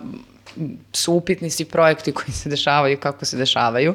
A, ako je već neko dopustio da se stvori jedna od najvećih deponija i u- u- ono, neko ko ugrožava direktno zdravlje gr- ono, građana i planete, mislim. A, ali dok ti gledaš taj film, znači ti ne samo da vidiš koliko se on, u kakvim uslovima oni rade i koliko se oni muče, mislim, mislim, bore se, ali sama činjenica da ti gledaš koliko žive u tom u, to, u tom đubretu, šta oni udišu, kako oni, mislim, na uslovi... Da, to, je- to, to je opasno samo po sebi da Tako živiš je. tu, ne moraš uopšte da upadneš nigde. Mislim, Ma da, sama samo je- Da. činjenica ti stojiš tu i skupljaš te flaše i ugrožavajuće za tvoje zdravlje, mislim, a da ne pričamo sad o ostalim stvarima i koliko su nezaštićeni, kakva zaštita na radu i ostale priče. I zaista nekako dirljivo sve napravljeno, ti poslednji kadrovi uh, su takođe nekako kao neka ono ne znam, da sve, sve grupe su nekako za- zajedno snimljene i nasmejani su i vedri, kao da je, mislim, happy end, ali nije happy Mhm. end. Mm -hmm. A to sad te pitam, jel su te grupe neki rivali ili su kao kolege, poštuju se? Pa, uh, sigurno postoji rivalitet, oni broje tu koliko je ko šta, ali uh, da, ima rivaliteta, nisu sad oni kao svi najbolji ortaci i jedna porodica. Uh, Jani se zapravo i vrlo muči kroz sve to. Uh, mislim, taj film je sniman, tipa, ne znam, sedam, sedam godina? Sedam godina je sniman film, znači prvo posvećenost da toliko budeš na projektu i da snimaš u tim uslovima je ludilo način na koji je snimljeno kadrovi neki su ja vama, ja sam stvarno ovako, ono, zineš i gledaš, ne veruješ. Stvarno je ne, odlično snimljeno. I pritom i svi ti nekako ljudi, ta, e, ovaj glavni e, lik je čak i bio na, e, na premijeri u, u Beogradu, na Slobodnoj zoni. Tebe, em, mislim, us- mene u stvari a- a- a- ra- e, nekako a, razbuca ta dobrota i prizemnost nekih ljudi i skromnost i neka, n- eto, samo dobrota koju sve manje i manje vidiš u ovom svetu d- alavosti para, građenja karijera, ludila, bla, bla, bla, bla. I onda kao vidiš te ljudi u fazonu si jebote, ono, kako ljudi rade, u kakvim uslovima rade i koliko su ostali A nekako... to, to sad te pitam, možda sam ti pitao, znači, jel ti nakon filma potresete priču o tim ljudima i njihovim sudbinama ili te više potresa ta deponija i to šta se dešava? Pa i jedno i drugo, mislim, neodvojivo je. Ne Mhm. možeš sad ti da gledaš samo jedno, a da ne gledaš drugo. Mislim, sama činjenica da ta deponija postoji u takvoj količini i da je toliko mm, napravilo problema je jedna linija, a sasvim druga linija je sad da ti gledaš te ljude koji zbog nemogućnosti da nađu možda neki drugi posao se bave uh, time što sakupljaju flaše i onda ih nose na tu neku preradu, p- ono, prese i ostala, ostala sranja. Ali, znaš, uh, nije uopšte, ni- njihovi likovi uopšte nisu patetično postavljeni, ti njih, uh, mislim, ne, ne sažaljevaš ih, nisu oni sada, oni se bore u tome sve što rade, ovaj odustane pa se vrati, pa znaš, nije, ali da, mislim, sama činjenica da gledaš te ljude da rade u takvim uslovima, da udišu taj vazduh je ono, z- d- deprim, meni bila deprimirajuća, ali opet nekako ti ljudi su toliko imali, posebno sa tim kadrovima na kraju, toliko ne, nekog srca i neke duše koju e, redko, redko gde vidiš. Dobro. Da, da, ja sam vidio baš najave, ali sam pomislio da nemam snage da gledam te film nekako, ali m, možda si mu bedo da ga pogledam. Pa ne mislim, Mislim, verujem da je sjajno snimljen, nego ta tematika, to je toliko meni strašno, sama ta deponija, a to još sad nisam ni znao uopšte celu tu priču, koliko ima ljudi koji su tu svakodnevno. Mm. Da, ali naterat ću se. Ja e, mislim da je zaista divno e, što je Nemanja upravo postigao to da od neke priče koja je a priori ono, teška, crna i sve ostalo, da ne, ne bude fokus samo na to. Jer nisu ljudi tu samo da bih sad mi, o jadni oni, vidi čime se bavim. Ne, nije. Tako da, eto, ja stvarno uh, od srca preporučam ovaj film. Uh, imate uh, u bioskop, ostavit ćemo link gde sve ima i požurite u bioskop, imat ćete dva dana.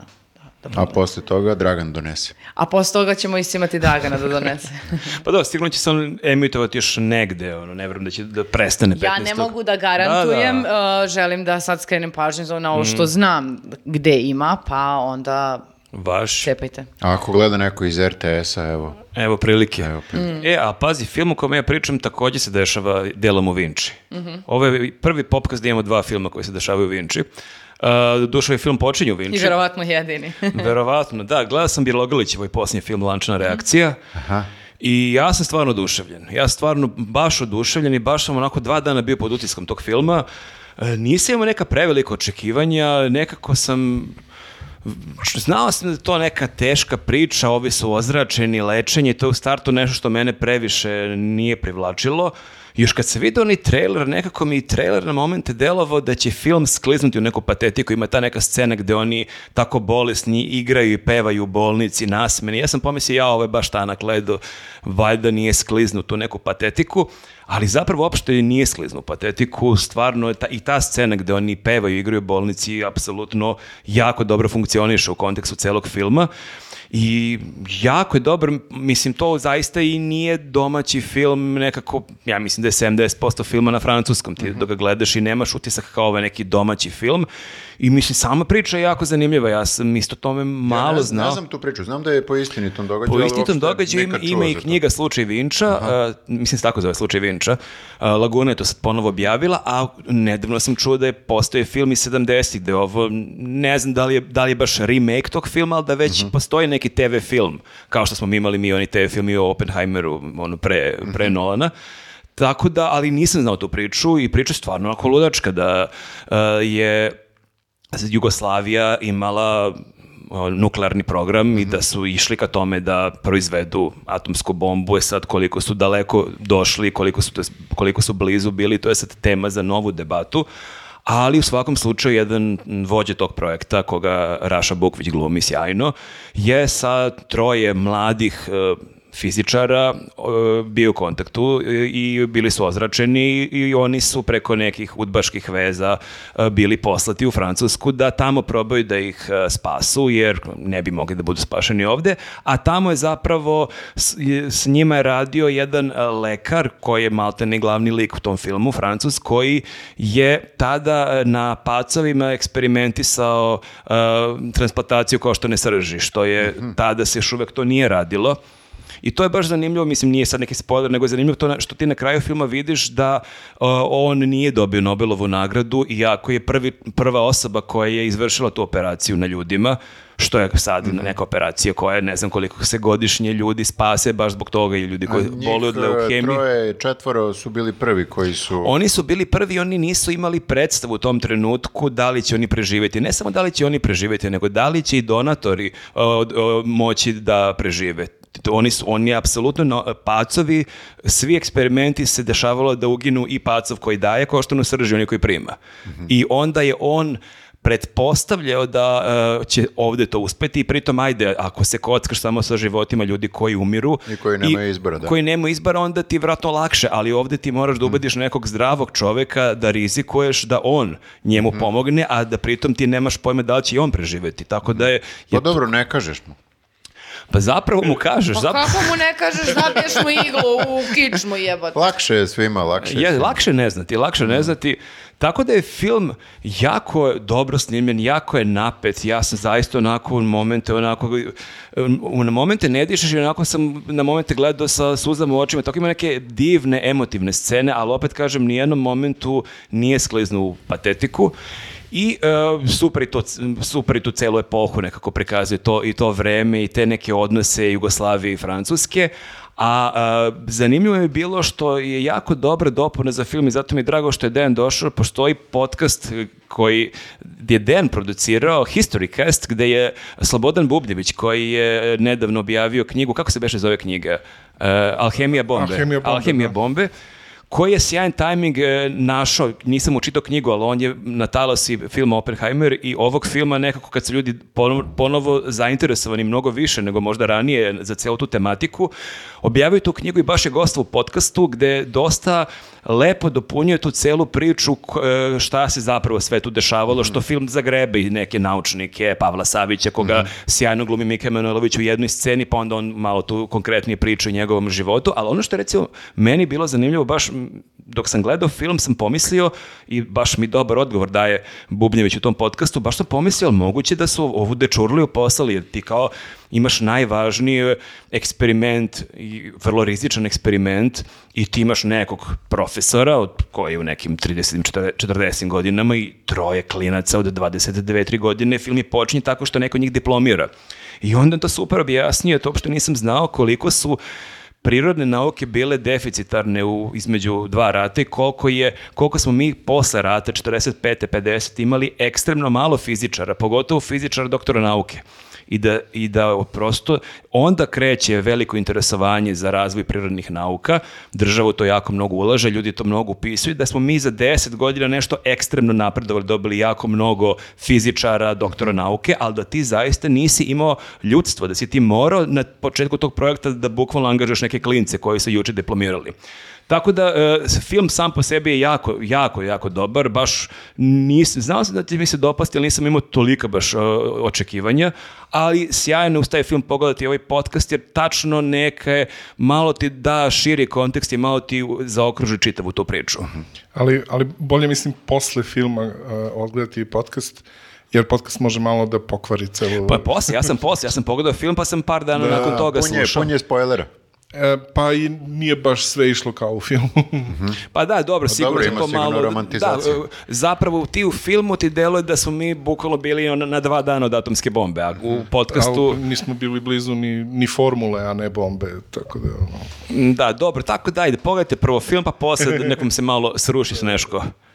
Stravo. Stravo. Ja pogledat ću, ma- moram da kažem da me je iznenadilo koliko mi je nekako uh, uh, čudan plakat, odnosno billboard za, za film. Jeste, on je jedan od ružnih Bukval- plakata. Bukvalno ga ne vidiš kada prolaziš pored njega. Stvarno? Ovo, žuto. i Žuto piše- sa crnim, Da. čuvari forma. Ali ne možeš Da. da. pročitaš šta piše. Ma ne, samo ne može pročitaš, nego kao deluje nebitno. Deluje kao neki... Kao neka banka. Ali- Kao neka ali ima onaj banka, znak ne- za ne znam. radijaciju, Da. crno Pa na žuto. ima, ali Pa to- nešto... Ma ne, nebitno, daj mi scenu iz filma, hoću bijelu da vidim, hoću nekoga, znaš, kao da A znam ono, šta je. glave na postavu. Glave, daj mi glave neke, znaš, kao... Senki nad Vinčom. Neću da gledam slova na, na billboardu. Samo da te podsjetim da si malo preko kao da sam ja došla iz 2000-ih, a Da. sada Ovo mogu je slično da kažem. 1986 Tako je, tako Mene je je. ovo podsjetilo, Da se vidi bre James Dean. o. Da, daj mi golog bijelu, hoću da vidim da me privuče nešto. na billboardu. Mene je to podsjetilo, baš, baš smo pričali pre neki dan koliko se tebi meni ne, ne dopada taj plakat i, i da, da nije ni čitko šta piše i podsjetilo me kad je krajem 90-ih izašao film Nož e, po romanu Vuka Draškovića, ja se ne znam da li se sećate tog e, plakata, a to su bila neka pisana slova ćirilična koja su bila jako čudno napisana, znam da je meni ortak rekao ja čitam Hoft, šta je Hoft? Ali ono je toliko bilo čudno napisano da baš treba da analiziraš kao a, nož, ovo je, ž- da, da, da, ta- tako da film uprkos billboardu, ja mislim, ima dobru gledanost. 100.000 ljudi vidio Da, to je bila sada. Vespa juče, da, ja, Da. to su isto bile priče da ovaj film neće moći da ima toliku gledanost kao Toma Pa, ili neki dobro, drugi sad. filmovi, no, Južni vetar i slično, ali drago mi je da se ljudi... Pa dobro, nije ta prepo- tematika. Da, da, Pa naravno. nije, nije, mislim da, onako je baš je... mm, Mislim, prvo, n- film ne percipiraš kao domaći. Zaista je ogroman deo filma je na Ne, na- francuskom. naučili su da rade, znači ta Bjelina ekipa radi period filmove i serije fantastično, znači ono baš te transportuju u to vreme. Eto. I simaju se onako baš. Tako da, eto, svaka, svaka čast bijeli. Ne, ne, i super su tako i likovi, ta, tačno nekako školski film, e, tako te... e, tako te vozi i tako imaš neke i potresne scene, emotivne, napete, dramatične, tačno kao da je po nekoj tabeli, tačno onako je znao kad šta da ubode, kad je Mm. to i Vuk Rašumović je pisao i Bijele pisao i ne znam ko je još tačno pisao scenarij, Ma, ali samo da baš- zamene billboard, ja mislim na konju su. Oni da zamene Billboard imali bi milion gledalaca, bukvalno. Bukvalno, više o tome bi, samo billboard ih hoće. Ja ne znam zašto ti ja u Kanvinu radimo neki novi Billboard da nas angažuje Ja Bijela. sam sigurna da treba to da uradite, jer pošaljete bijeli da kažete, e, mislimo da je ovako bolje. Da, pa to, I onda će ajde. on pozvati sve ove da zamene i Ajde, to. ajde, uradit ćemo Marko i ja. Sad, sad kad nas gleda dizajner pa nas vređa u komentarima. Ne, super je dizajn, ali nekako ne vidiš taj billboard na ulici. Eto Pored- zašto sam ja omiljen kada Nije, delo je kao da je Billboard za Raiffeisen banku, iste su Da, boje. ili kao za neki NGO koji je morao da potroši Ja, pare na neki kraju ke- godine. Neki sigurno cash krediti ne zanima. me. Zaustavite se, molim vas, i krenimo na sledeći Ajmo, segment. ajmo, dobro. Ajde, hoćemo muziku ili knjigu? A može šta god. Muzika. Muzika. Ajde. Da. Ajde, muziku. Muzika, a, moja muzička urednica, u- muzička urednica mog života, Maša Vukčević-Marković, je a, ove nedelje slušala, a i ja sam onda slušao nekako, kako se to kaže, preko nje. e, Pasivno slušanje. Pasiv, pa nije pasivno, slušao sam aktivno, dobar je bend. Bend se zove Funk Shui, kao Feng Shui, samo je funk. Dobro. E, makedonski bend. Oni su imali koncert nešto nedavno. Da, imali su nedavno koncert. Maša je to negde šazamovala, znači nije uopšte planski krenula da sluša, nego je jednu pesmu šazamovala i od toga je sve krenulo i onda je preslušala, ja mislim, sve. E, i jako je, Jako je dobar vokal, i jako je dobra svirka, ne razumem ništa pošto je na makedonskom, ali to me ne sprečava nekako da, da, da uživam. Baš je, ovaj, baš je dobar, ne mogu da kažem funk, mislim jeste to, ima funka, ali je neka fuzija svega i svačega, ali ja, mene, na primjer, ovaj vokal e, radi najviše od svega, podsjeća me malo, dubok eh, glas ima pevač, Podsjeća me malo, ja mislim da su to Tinder Stixi Mhm. ili tako nešto. Znate kako ima čudan dubok vokal u Tinder Stixima pevač, nebitno. Uglavnom, ovaj, e, e, poslušajte, ima, e, sad, sad su izbacili album, e, e, zaboravio se kako se zove, ima kiosk, onaj stari jugoslovenski na Da, naslovnoj teško strani. mogu zamislim vokal Tindersticksa uz neki funk. Pa da, i meni je Jel, teško, ali funkcioniše? funkcioniše, ali Aha. funkcioniše. Tako da, ovaj, poslušaj, da, Maša je išla i na koncert, zašto se eto desilo, da su imali koncert, kažu da su razvalili. I da je bio pun koncert e, i da o, očigledno je to neki popularan bend. To Pa su opet i paralelni svetovi. Mi Paralelno, samo ču- potpuno. Da. čudimo to Aleksandra Prijević i slično. Znači, postoji i funk paralelni Ne. svetovi. Ma nije- ovo nije, mislim, imaju funk u imenu i kao, ok, čuje se neki funk, ali uopšte nemojte da mislite da je čist, čist funk, da. Ima baš raznih nekih e, e, e, pravaca koji se tu nekako miksuju sa svim i svačim. Super je u svakom slučaju, poslušajte obavezno. Eto, to je to. Ok. Hvala Maši Vukčević-Marković. Hvala i veliki pozdrav i treba da odu u poteru da se posveđa sa tragačima. A, Dejane, Eurosong se bliže. E, Šalim se, da. ti slušaš sigurno nešto osim, i osim Eurosonga. Da, pa kad ga nema, šta, šta ćeš? Ne Mora čovjek da Pa da otkrije. rivočuješ. Ponekad, pa uradi mi to, ali A previše bi bilo dva put godišnje. pre, previše, previše. Da, ti, ti treba se izvini što si imao prognozu da će Luke Black mnogo bolje proći na Eurosongu. I ti si isto to mislio, i Mhm. ja isto. Ja sam se izvinio u komentarima. Mm, jeste, jeste, treba se di uživo. Žao mi je. Ja sam bio nadomak da se kladim da će biti, šta si rekao, od 11. do 14. mesta. Pa koji je bio? Pa Pe- nešto, 15.. 20. Poslednji. Ja, bio je Nije baš. bio poslednji. Bio je ko Baby Dolly, evo te. Dobro. Ali e, navijali smo za Sa- njega, sad šta sad? učestvuje 20 više zemalja nego u vredme Baby Doll. Izgovori, izgovori. Nego, šta Da. si ti slušao? Ovaj, a, a, pa ja nemam tu varijantu kao neki album, neke grupe ili nešto. Ono što mene u posljednje vreme baš e, vozi je, a, su reakcije na, na, na razne muzičke stvari na, na YouTube-u. Znači, Mhm. neki kvalifikuju, recimo, obično su to neki operski pevači ili, ili a, a, šta znam, koncertni a, muzičari koji reaguju na, na nešto što je totalno van njihove, A, znači okej. na heavy metal ili Da, na, sad na sam te što tako. pitam kakve reakcije. E sad, to je, pa da, ono, slušaju to i onda da, da. prvo se šokiraju, a onda razlažu to na, na ovaj sastavne delove i oduševljavaju se, naravno. A, mislim, malo je to vođeno i time da a, u- uglavnom su tu uvek pozitivne reakcije jer želiš da okupiš publiku oko sebe, a ne da ih rastaraš. Ja. A, a, međutim, ovo što sad hoću da preporučim je u, u, u domenu toga, ali ne baš skroz isto. Znači, ima jedan kanal koji se zove Drameo. Oni inače vode neku školu bubnjeva i imaju taj način da prikupljaju ljude oko sebe, što pravi naravno sadržaj za YouTube, gde a, neke poznate bubnjare dovode, a, puste im pesmu za koju znaju da nikad nisu čuli, ali bez bubnjeva, i onda oni moraju da improvizuju, da, da pokriju tu pesmu. Video sam. Da. I sad, Meni je, izvini, više tu šokantno što taj čovjek nikad nije čuo tu pesmu. Mislim, nisu... A ti znaš za pesme te? A ne, to su naj, bukvalno, jako poznate Pa, pesme. pa dobro, ne evo, znam. Ch- Chad Smith iz Red Hot Chili Peppersa, njemu su pustili uh, Kill, pesmu od grupe uh, 30 Seconds to Mars. Mhm. Da, nešto što bi očekivao je- da verovatno je čuo nekad u Dže- Dže- životu. Jared Leto. Da, Da, da, znam za band. Da, da. Nisu potpuno različiti Mislim, ako ja žanrovi. znam da- za taj I, band... i, čak, I čak nije ni toliko daleko od uh, Red Hot Chili Peppers. Da, da, da. Ali znači to su sve poznati kao bubnjari? Uglavnom, E, iz poznatih u- grupa. Jako dobri bubnjari.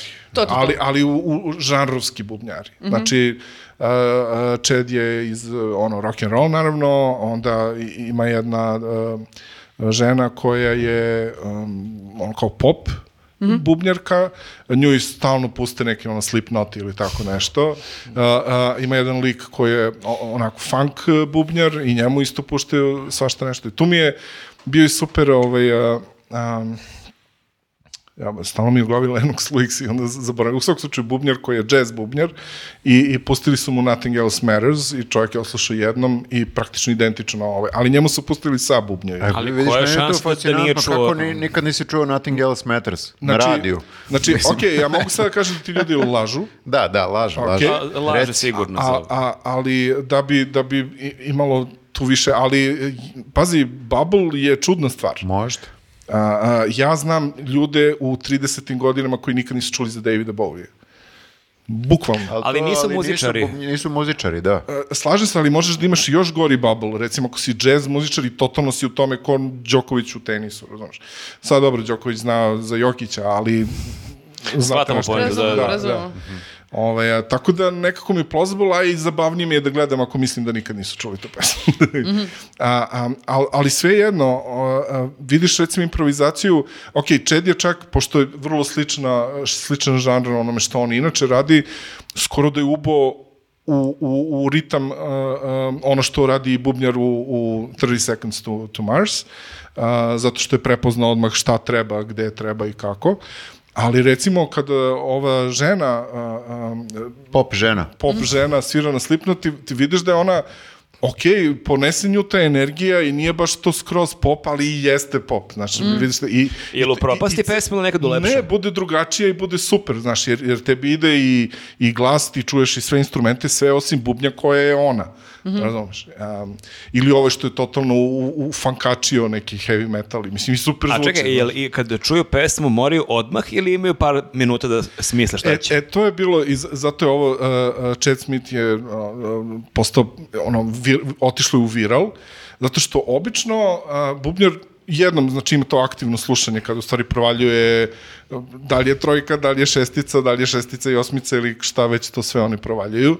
Um, um, I u principu osluša jednom, onda drugi put ono kao č, č, tresne činelo, znaš, pa nešto dugudum i onda treći put, e, okej, ajmo sada, znaš, i onda i Mhm. sklopio, sklopila je u glavi ili sklopio u glavi. Čed je slušao 30 sekundi i odmah ušao u pesmu. 30 seconds. 30 seconds, brate. Znači, ono, odmah, odmah je ubao, znači, po, uh, u sred, Pa dobro, ali ovo nije u, sred, nešto u drugo. sred prvog uh, uh, chorus, Takta. E, Refrena. refrena. Da. U, u, Akta. u, u sred prvog refrena je, ne, ne može baš toliko da ovaj, a, a, a, je ušao i, i praktično ono nailed it, jel da? Mm. A, am, i, I onda su se svi oduševljavali, znači ono, bubnjari su to komentarisali i sve i onda, i onda je interesant, mislim, kao uhvatim sebe da, da 60 puta odgledam, oslušam istu stvar ali sa različitim reakcijama različitih ljudi na to što je on uradio recimo i tako dalje. I Onda potpuno uđeš u neki rabbit hole reakcija na, na, na razne A stvari. čekaj, onda imaš, e, on odsvira, a onda imaš snimak ljudi koji komentarišu kako je on odsvirao. A, n- ne u tom originalnom videu, međutim, drugi e, YouTube kanali A, koji se okej. Mhm. bave reakcijama reaguju na to. razumeš. I, I recimo, ne znam, neki uh, bubnjar reaguje na ovo što je uh, Chad Smith uradio i onda kao ono da li je moguće ili ne i ta, takve stvari. Znaš, e, to mi je, to mi Ali, je bilo. e, to sam- Ali se nasluša muzike koju nikad ne bi čuo u životu sve jedno. Teo sam te pitam, ali opet nekako se čini da nisu tog čeda bacili baš u nebrano grožđe, jer je to ipak neki njegov žanr. Mislim, zašto, na primjer, njemu nisu dali neki, ono, Jazz. E, na primjer, ako sada ribi Da. koja je pop, daješ eh, Da. slip kn- not, n- ali, not, ali, pa, ali znaš šta, recimo, e, e, i ta riba i ovaj funker, o- oni rade za Drmeo, oni su bubnjari koji drže časove, a Čed je verovatno bio gost i nisu hteli da rizikuju da, da možda se Aha. izblamira ili ne znam šta. Mada ne verujem, jer ovo je totalni drum nerd, ono, Da, zna sve o svemu, š- što umanjuje šansu da ne zna ovaj, za, za tu pesmu i za Da. taj bend. Meni su d- d- zabavne reakcije kod e, tih bubnjara kada profesionalni bubnjari, da li jazz, da li ovako, e, slušaju izvođenje e, ovog bubnjara Tula. To sam te da pitam, da li su Da. Tool možda puštali, jer on Da. baš E, ima e, čudan stil. Tu su puštali funkeru, da. Da, ovaj funk bu- bubnjer je na Tool e, svirao. Da, ovu konkretnu pesmu Pneuma, koja je potpuno onako ne- neki matematički prog, e, da, i- nešto, ima ne baš znam ni neki ja. njihov Nenad nastup. nije tu, znao bi Da, verovatno da, ali ne. ima baš neki njihov nastup da kam, ima samo snimak bubnjara šta Da. radi tokom 10 minuta. i Da, ono je da, da, baš ono deluje, ludilo. deluje nemoguće, Da, deluje da. nemoguće kao da neko sada može dva puta za redom potpuno isto Da, da, da, izvede. da se nije izgubio, nego da se vrati na ritam koji Da, je da, krenuo. da, okej. E, I, I ima jedan bubnjar koji naravno kada, kada uđeš u taj rabbit hole, on- on ti obavezno iskoči, ima jedan jako čudno ime, nešto tipa Estepanio Siberiano ili tako nešto, Ovaj, Izmislio si. Na, na kojoj, da Pavle Minčić bubnjava, da. Zvuči kao neka magija iz Harry Pottera. E, da, da, da. E, Stepan je se- i otišao u Tako je, Sibir. tako je. ono, da. I sviraš- U- u stepi sviraš Si- bubnjeve u stepi. U stepi Siri- Sibira, da. Ove, a, a, pa možda je odatle i sebi dao ime, da.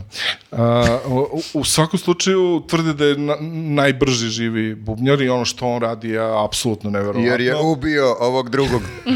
da. Brzo ga je ubio. Znači, on, on radi brže od onog double, znači on, kad imaš onu pedalu za, za, za bas, a, a, obično kod, kod metala imaš ono što kad stisneš jednom udari ko zna koliko puta, jel da, da bi to, bilo to je valjda brzo. ona dupla pedala, ako se ne Dupla varam. pedala, tako je. Ove, e, on to isto radi, ali sa jednom. Mhm. a, a, a, I onda ima, ima neko čudno držanje palice, ono, i- između, kao Ameri kako drže olovku kod piše, onako Mhm. čudno, e, tako on drži palicu i radi šest puta brže, ono, radi samo ovako, ne radi iz globa, nego prstima. I, on, I razbija sve. Mhm. A čekaj, on živo. svira u nekom bendu ili kao ima karijeru i... Sad po- pokreće svoj bend, ovaj, ali, ali je ono TikTok i YouTube zvezda Aha. totalno i tako, recimo. Bože, kako je to nekako... Nepravedno. Znači, najbolji kao najbrži bubnjar na svetu. A nema ni jednu pesmu. YouTube i TikTok. Napravi ti zvezda. pesmu. pesmu, brale. Da. Očekivao bi sad ove Šta, pa, renomirane ča, pa Charlie bendove. Puth je tako počeo. Pa kao šta, hoću I da- Billie Eilish je tako Hoću počeo. lep i ritam, Bieber. ali ne treba meni nužno najbrži ritam na svetu, ću ritam da mi prija, ne ono neko mi Ne, ne, ali, testerišu. ali pazi, on radi na bubnjevima recimo uh, uh, d- dis, diskačine i, i ove stvari recimo iz, iz ranih 90-ih Mhm. uh, um, kako se CNC Factory i tako. Mhm. Znači, što, užasno brzo, to, je- to je rita mašina. Mhm. E, on to pokriva živim bubnjem, znaš, tako. Ja pa volio bi da čujem kako neko svira do s- Things to make you Ja go mislim hum. i, i ako pogrešno upišeš tipa este, samo da je Siberijan, Pa na ostavit kraju... ćemo, ostavit ćemo link, na, naći će, imamo dva dana da ga nađemo. Ukuca je najbrži bubnjar na svetu. Možda Je. je to bolje. Možda, možda. A, dobro, a, sada ćemo a, Marko i ja zajedno pričati. jel da? A, može, možemo. Jel si ti imaš još neki band? Ma, teo sam spomenuo, ali da, zapravo i ne moramo. Mada je, da, meni je zanimljivo što već treći popkast spomenjemo istog muzičara, ali postoji razlog. Postoji razlog, Marko i ja smo sinoć bili zajedno na koncertu u Novom Sadu, čuli smo da nastupa Bombino. I zahvaljujemo se, evo, ja sam, oboje smo ku- kupili po jednu ploču, ja sam ovu ploču donao, potpisanu. Da, ali ja da, se, svoju. da se zahvalimo, e, Ko je, ko je potpisao? Pa Bombino i A njegov... zezam se. Aha, izvini. kao, l- lik na garderobi je potpisao Žika.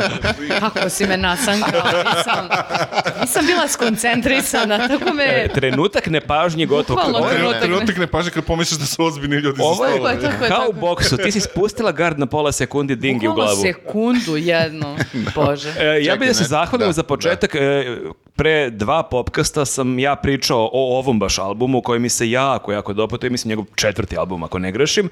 I baš sam rekao to što stalno kažem kao ja kad bi ga neko doveo u Srbiju ili region i neko je, dvoje ljudi zapravo, ako ne i troje i u komentarima i meni privatno su pisali e, kao dolazi 9. novembra u Novi Sad. Ja Što- E, sam mislio sve vreme da je Bombino grupa. ja sam u početku isto mislio da je I grupa. mene, ja isto, Dražić mi je sinoć ispravo rekao, A šta je zapravo, Bombino? o, to je, izvolite kao Bajaga. Znači, Bombino je Bajaga. A ljudi okolo su instruktori. Konkretno dva instruktora ovde bilo, Tako bio je je, tako basista i bio je bubnjar. Jeste. E, Vi ste se slikali, ali ja ne znam ko je Bombino od njih. Ona je u, bele, u belom manjinčetu A. i šalom oko vrata. Dobro, No, dobro. je čkilje onako. Najviše liči na Bombino. Jeste, pa kako, Tako je kako to. zamišljaš kad bombinu? Pomisliš, kad kažeš bombino, Dobro. ti pomisliš To je na- muzika... Znači, gitara, bas i bubanj, jel? e, Jeste, ali to Old je... school. To je kako kaže, o, to je- podsaharski bluz. To je e, podsaharski bluz, pustinski bluz ili podsaharska muzika. A, ona je nestvorna, pritom e, o, bilo je u SKC fabrici u Novom Sadu. Mm. Ja sam jako emotivan jer smo mi imali promociju njuzove knjige na tom istom mestu Mm. i tad sam bio prvi i do juče jedini put. Ja I- bila samo prvi I put, moram da sinoć. kažem da e, ono mesto je delovalo mnogo veće kad imaš tremu, kad nastupaš pred 100 ljudi. Ja kad sam tamo ušao bio sam fazonu u fuck, ovo je baš veliko mesto, jer kad smo imali promociju imalo i stolice i mnogo redova. Kad je to koncert bez stolice, kao pa i nije baš toliko velik prostor, ali super je lep, onako intiman Aj, prostor. bilo je 12 ljudi na promociji. Zapravo je bilo na promociji Zapravo. slično ljudi kao i na Bombinu. Bilo je st- 100 plus ljudi i na našoj promociji i juče na koncertu, ali je to nekako bilo jako lepo. Mi smo na na kraju se progurali u neki drugi, treći red. Mm. Gledali smo čovjeka maltene kao što gledam vas dvojicu i to je super kad si toliko blizu, mislim, to je privilegija koje ti da platiš i fan pit na nekom velikom koncertu, nećeš nikad biti toliko blizu, jer ovo je baš možeš... Mm. Pa prvo zato što je bina toliko veća da nema ovako. Pa da, i nemaš oni prostor kao kad si na stadionu između bine i publike ovde, je čovek tu, bina je malo uzdignuta. Da, I- da, ne, ja, idem, ja ne idem u fan pit zbog blizine. Ja idem da mi bude malo ovako, da bude, da nema ljudi oko mene. A, pa to. E, ali ovde je super što ti kad si tako blizu ti vidiš kako on svira i ja stvarno sam na momente bio hipnotisan jer čovek kojom brzinom on svira gitaru, ali on svira prstima, ali e, nekako e, čak nije ni noktima, ono je šta... Da, ja- nokti i jagodice. pa jago- Nema... Zapravo jagodicama, ali to je takvom brzinom on radi, to su takve neke solaže, to je potpuno te onako Mm. hipnotiše da gledaš e, koja je to lakoća. On, on svira gitaru ili bas? On svira Gitaru. gitaru. On je najbrži gitarista na svetu. Njegovi prsti su najbrži On prsti na e, svetu. miluje gitaru, on pleše sa gitarom, on je nevjerovatno. Ti kad si tako blizu, stvarno nekako na albumu to zvuči super, ali kad ga vidiš u kakvom je čovjek transu i šta on radi, baš je onako bio jedan Mm. predivan doživlje i čini mi se stvarno da s- bilo je to, ma, ne znam koliko staje u taj prostor, nije bilo više od 150 ljudi.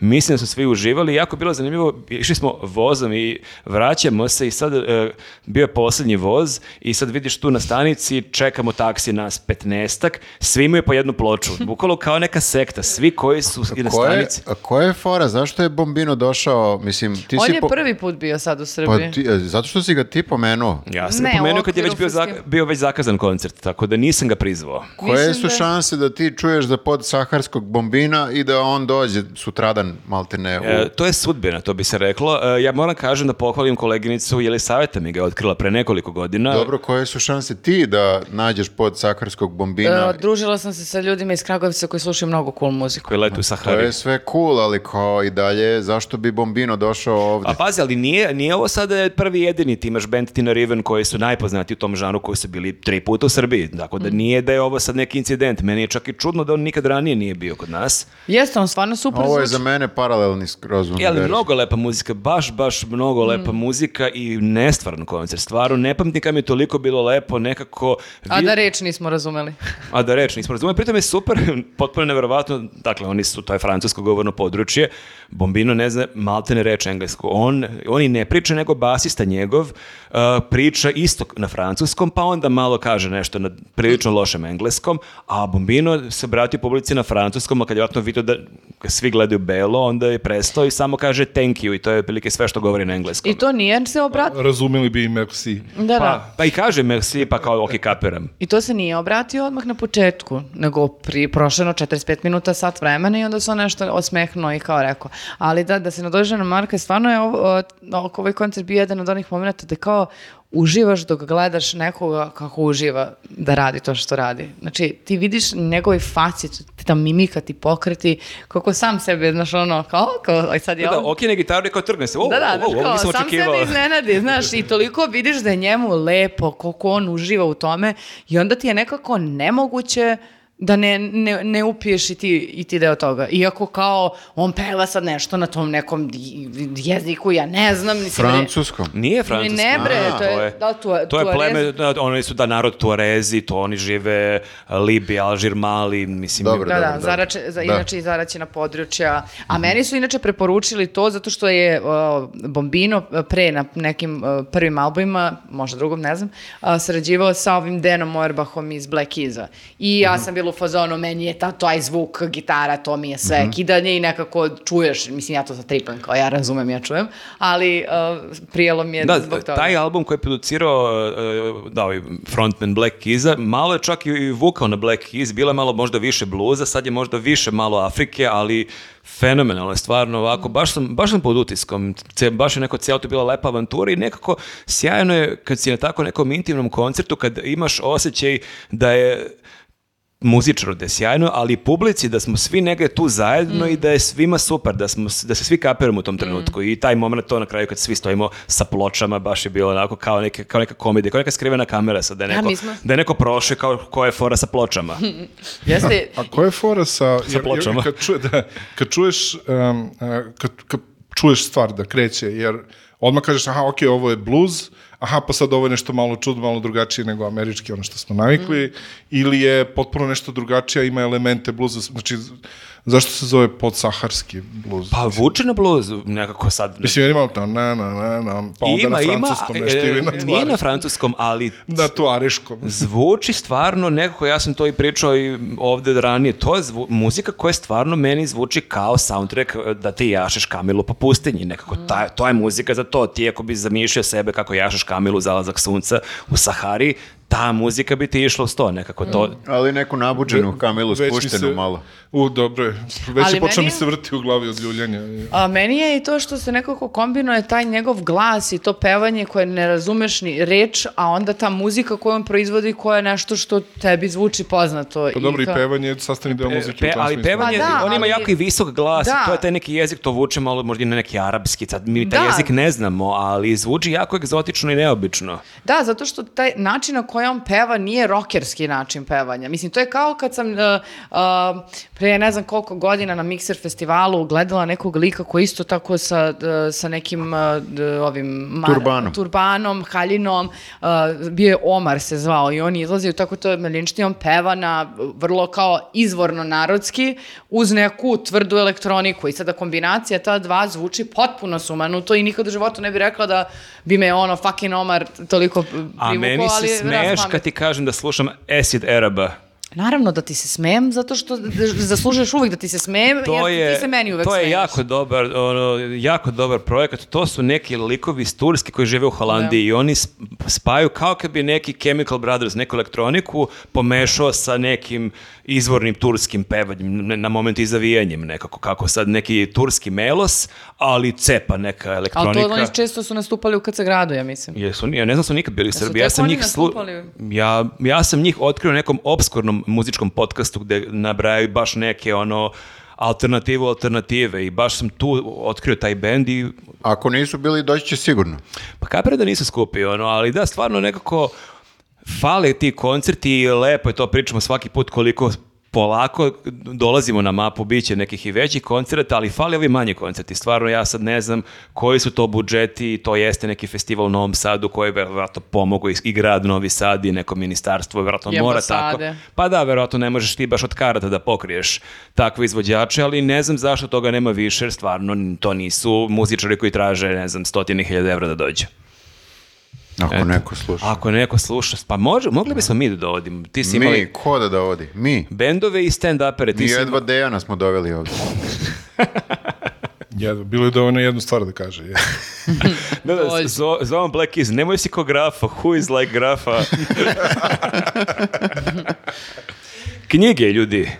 Ajde. E, ja, preskačete mene jer nisam ništa, praštajte, ni slušao, ni čitao Pa dobro, ove to je u nelje. redu. Imam dokumentarac jedan posle za svaštaru, ako da se malo iskupim. Eto, Pa Ok. dobro. Dejan, A ovo sad, sad, sad si me, ono, Izvini. nisam bio spreman. izvini. Ove, a, dobro, zato sam ja slušao knjigu, znači kao da si ti na redu. E, bravo. Da. A, ok, ja sam odslušao, između ostalog, a, autobiografiju Arnolda Schwarzeneggera, koja se zove Total Recall. jel Da. on čita? E, vi- vidiš, toga sam se bojao i krenuo je onda čita. Što si se bojao? Pa ja bi baš volao da mi on čita. Pa E, možda ne, ne, bi mo- razumeo sve. Pazi, ja mislim On, da on... apsu- govori perfektan engleski, vokabular mu je perfektan. Da, da, da, jeste, ali ovaj, a, um, i, i čak i lepo se to sve razume, ali postane naporno ako baš dugo možda slušaš. zato, možda Mislim, zato Iako ne- nema pucanja nekog. da. Znači, bi- bilo je, bili su na, na ono, Graham Norton show um, on i ova Judy Dench. I o, naterali su Judy Dench da, da izrecituje nešto od Šekspira. I Švarc je rekao, ovo je bilo više teksta nego svi dijalozi svih mojih filmova zajedno. Rekao je, I postoji razlog za to. da. A, um, e, inače, um, apsolutno fascinantan život, e, e, e, naravno, um, i, i način na koji je on uspevao da uradi sve to, znači za ljudi koji ne znaju, znači on je a, krenuo kao bodybuilder a, i postao je najbolji bodybuilder na, na svetu, e, a, a, onda je a, krenuo u filmove i postao je najplaćeniji e, glumac na svetu. Nije posto najbolji. nije, nije postoji, ne, dobro, da, vidiš.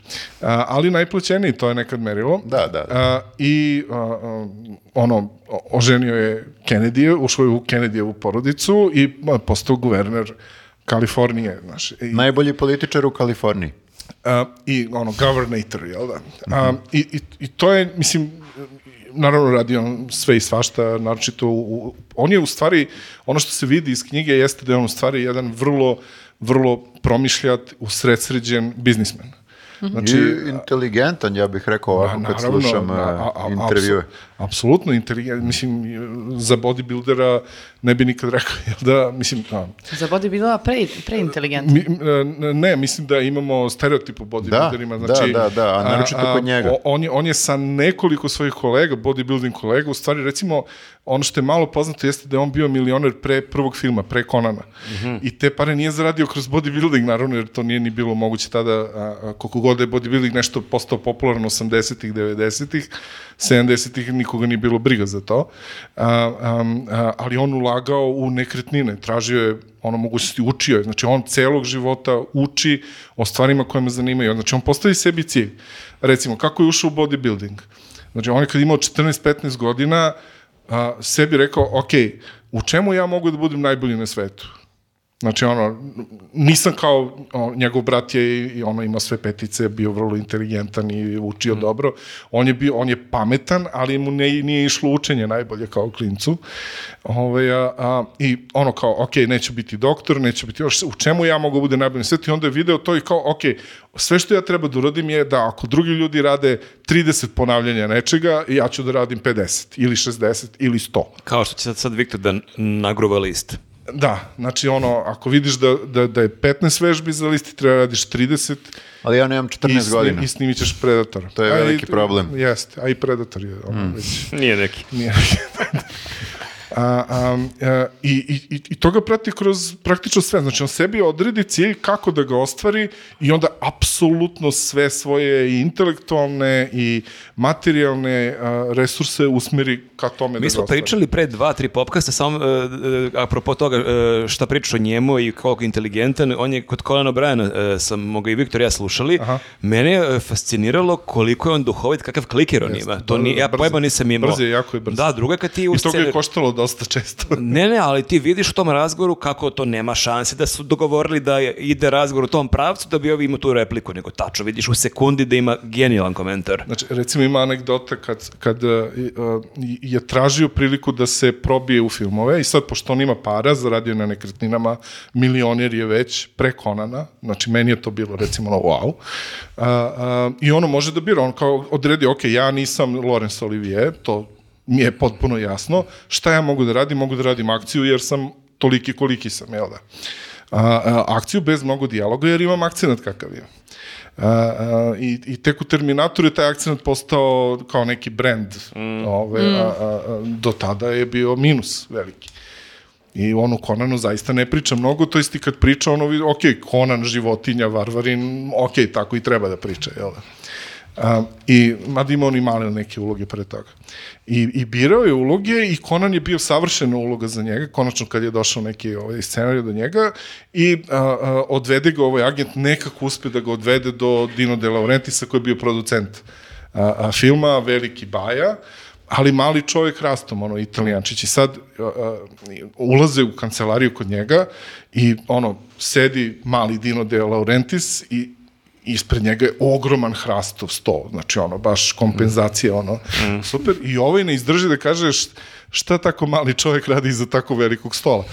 I ovaj ga izbaci napolje. Znači, on brz je, ali je nekada mnogo brz za svoje dobro, razumem. A, am, i, ali naravno bio je savršen za Conana i posle je ovaj John Milius koji je bio režisir filma je naravno morao njega da uzme jer niko drugi nije bio toliko on, je- on je morao da nauči da radi sve svoje a, a, da bude svoj kaskader jer niko nije imao njegovu građu da ga kao Zameni. zameni i- ispred nijedan od kaskadera nije mogao da ga zameni. A, a, I onda su oni svoje neke drugare bodybuildere, tu svi oni njegovi neprijatelji su isto bodybuilderi iz, iz te ekipe i tako dalje, znaš. Ovaj, a, I tako saznaš ono, gomilu detalja. A, a, ono što bih izdvojio jeste da je, da je prilično otvoren. A, sve do trenutka kad je prevario ženu sa I to onom se puškim. pitam, je li ima Da. priča o prevari? Ima naravno, a, gde naravno posipa se pepelom, ali nije ulazio u svoju motivaciju, a, a, tako da najbolje objašnjenje koje postoji je ono Billa Burra koje je Da, rekao... Bill Burr je to pokidao. to je pogledao, mislim, ono, nema ništa posle toga. E, e, e, gde je rekao, za- za- za one koji ne znaju, ovaj, kao čovjek koji je s- ura, došao iz Austrije, naj- Ne zna jezik, ne, da, da, da, da. ništa, i sve to postigne i na kraju kao ono, što ne bi pomislio da može da kresne služavku i da se izvuče iz, iz toga, znaš, on kao, Pa, Kao sve mu je prošlo u sve životu. mu je ostalo Da. prošlo u životu, da. Ove, a, a, ali je inače to partnerstvo sa Marijom Šajver a, i taj brak i sve Marija. to a, veoma, veoma lepo ovaj, izložio i, i koliko je to sve značilo. Znači, jedna jako dobra knjiga za slušanje. On, on radi prvi e, odeljak u knjizi i poslednji odeljak Mhm. u knjizi između neke profi čitalaca. Čekaj, on, e, ovo je njegova prva knjiga, on nije imao već neku autobiografiju. nije autobiografiju, ne znam, možda je neko pisao Da, da, da, da, okej. o njemu, ali, ali ovo je prva. Um, pa i ono, realno, on, on se bliži osam banki, znači, ono, vreme je za tako nešto, s tim da je on sad izbacio neku knjigu koja jaše na talas ima Total Recall, ovaj, a neka self-help knjiga, s tim i da je taj poslednji pasus u stvari neki njegovih deset pravila za život, gde, gde je kod mene rezonovalo recimo jedna, jer ja to imam tendenciju da radim, kao don't overthinking, do it. Mm -hmm. ono, kao ako počneš da razmišljaš o stvarima, ako nešto hoćeš da postigneš, ono, idi uradi to, dobro, loše, fuck it, znaš, ono, e. Ove, a, a, ali ono, recimo, a, n- n- on kao političko biće pre i sada, to su dve različite stvari, onda vidiš taj njegov rast iz, iz jednog totalno ono, libertarijanca pro-reganovskog, a, što je na kraju kraju i logično, jer on, ako postoji definicija američkog sna i neko koga je ostvario, to je on, Mhm. realno. Znači, to je američki sna, per se, on ne, ne, ne postoji, to je, on je poster child američkog sna. A, a, I sasvim je logično da on misli da je to normalno i da svako to može da uradi ako je već njemu uspelo. Mhm. Znaš, i to je, to je jako dugi deo od svog života. Mislim, onda kasnije je a, naročito kroz bavljanje politikom ovaj, spoznao neke stvari i, i sad I tad ono što- je, tad je zamenio ovaj, hamere za neka ekološki... za Priusa. Da, Da, da, da, da, ekološka vozila. Ali ja mislim da on u, još uvijek ima hamera negde u garaži. Ne, ima, ali ne vozi. da, da. Samo ga... pere Samo ga sve. glavni- Tanca. I, Da, da. Ipak je on bio vozač tenka u vojsci. Da. Kako je stao u tank? Pa tad je bio manji. Pa bio je manji, da. Ha, dobro, dosta toga sam saznao. Posle se na grubo ko budala I- i iz predostrožnosti da i možda- više i- nikad ne bude i Možda tenkista. su bili oni mali tenkići gde ono viri od do pola. I, Ili su prosto to austrijski tenkovi koji su veliki. da, da, dobro, dobro. Uh, sad ja. Pa pazi, moj dokumentarac se mnogo uklapa u ovo Dejanovo, mogu da nam... Ajde, ajde, ajde, ajde. Arnold dokument. Ne, nisam, nisam, o Stalloneu. A, Sly. O Stalloneu, da, Sly na, na Netflixu, ako se ne varam. Gde sam gledao? Na Mislim Da, da je Netflix ili Net- HBO. Jedan od Netflix, Netflix. E, slična, je, slična je priča, pratiš njegov, je li tako, ovaj, e, uspon e, i pad u nekom trenutku, pa posle ponovo uspon Stallonea, e, ali je mi, meni bilo jako, z- i ja- jako je dobro snimljen i kratko traje, nije ono kao sad nešto sa tri sata, ne znam ni ja, pa nego kao normalan film. Uh, gde ti pratiš zapravo jel tako kao od, od detinjstva njegovog i sve vreme se poziva na to da je ceo svoj uspeh i ceo svoj, njegovu ličnost zašto je takav kakav je, isto kao Švarci u smislu kao uvek ide napred, uvek gura, uvek uh, isto potpuno kaže just do it, nemoj da razmišljaš. Mnoge stvari je pokušavao pre nego što mu je uspeo e, Rocky, e, ali sve vreme se poziva na to da nije imao ljubav od, e, od, od oca.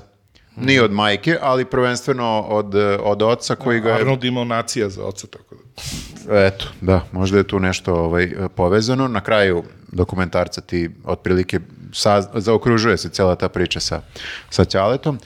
I isto je izbegnut deo e, kada, mu, kada mu umire sin. Tu ništa nije ovaj, e, nešto posebno ovaj, proširena ta priča, za razliku od ostatka dokumentarca, gde on ulozi baš u detalje svega, svakog e, filma pre Rokija, pa onda Rokija, pa onda šta je dalje sledilo. E, zanimljiv je taj njegov nagon da on, odnosno potreba da bude voljen i on to naglašava sada, odnosno e, kaže više puta kako ima potrebu da ga publika voli i dan danas i naravno da misli da je to zato što ga Ćale nikad nije voleo. I zanimljiv Evo, detalj... često tako neki na prv, neko E, Da. objašnjenje na prvu loptu, Na- na, na prvu naizgled loptu, banalno, baš. a zapravo često Ne. tako u životu, vrlo banalno, da. Sve je, sve je vrlo onako logično i jedan kroz jedan je to. Zanimljiv detalj, uh, Stallone je jako dobar igrač poloa. Ni- nije to... Da, Ono, na konju. na i- konju. Da, da, Wow. na, na konju.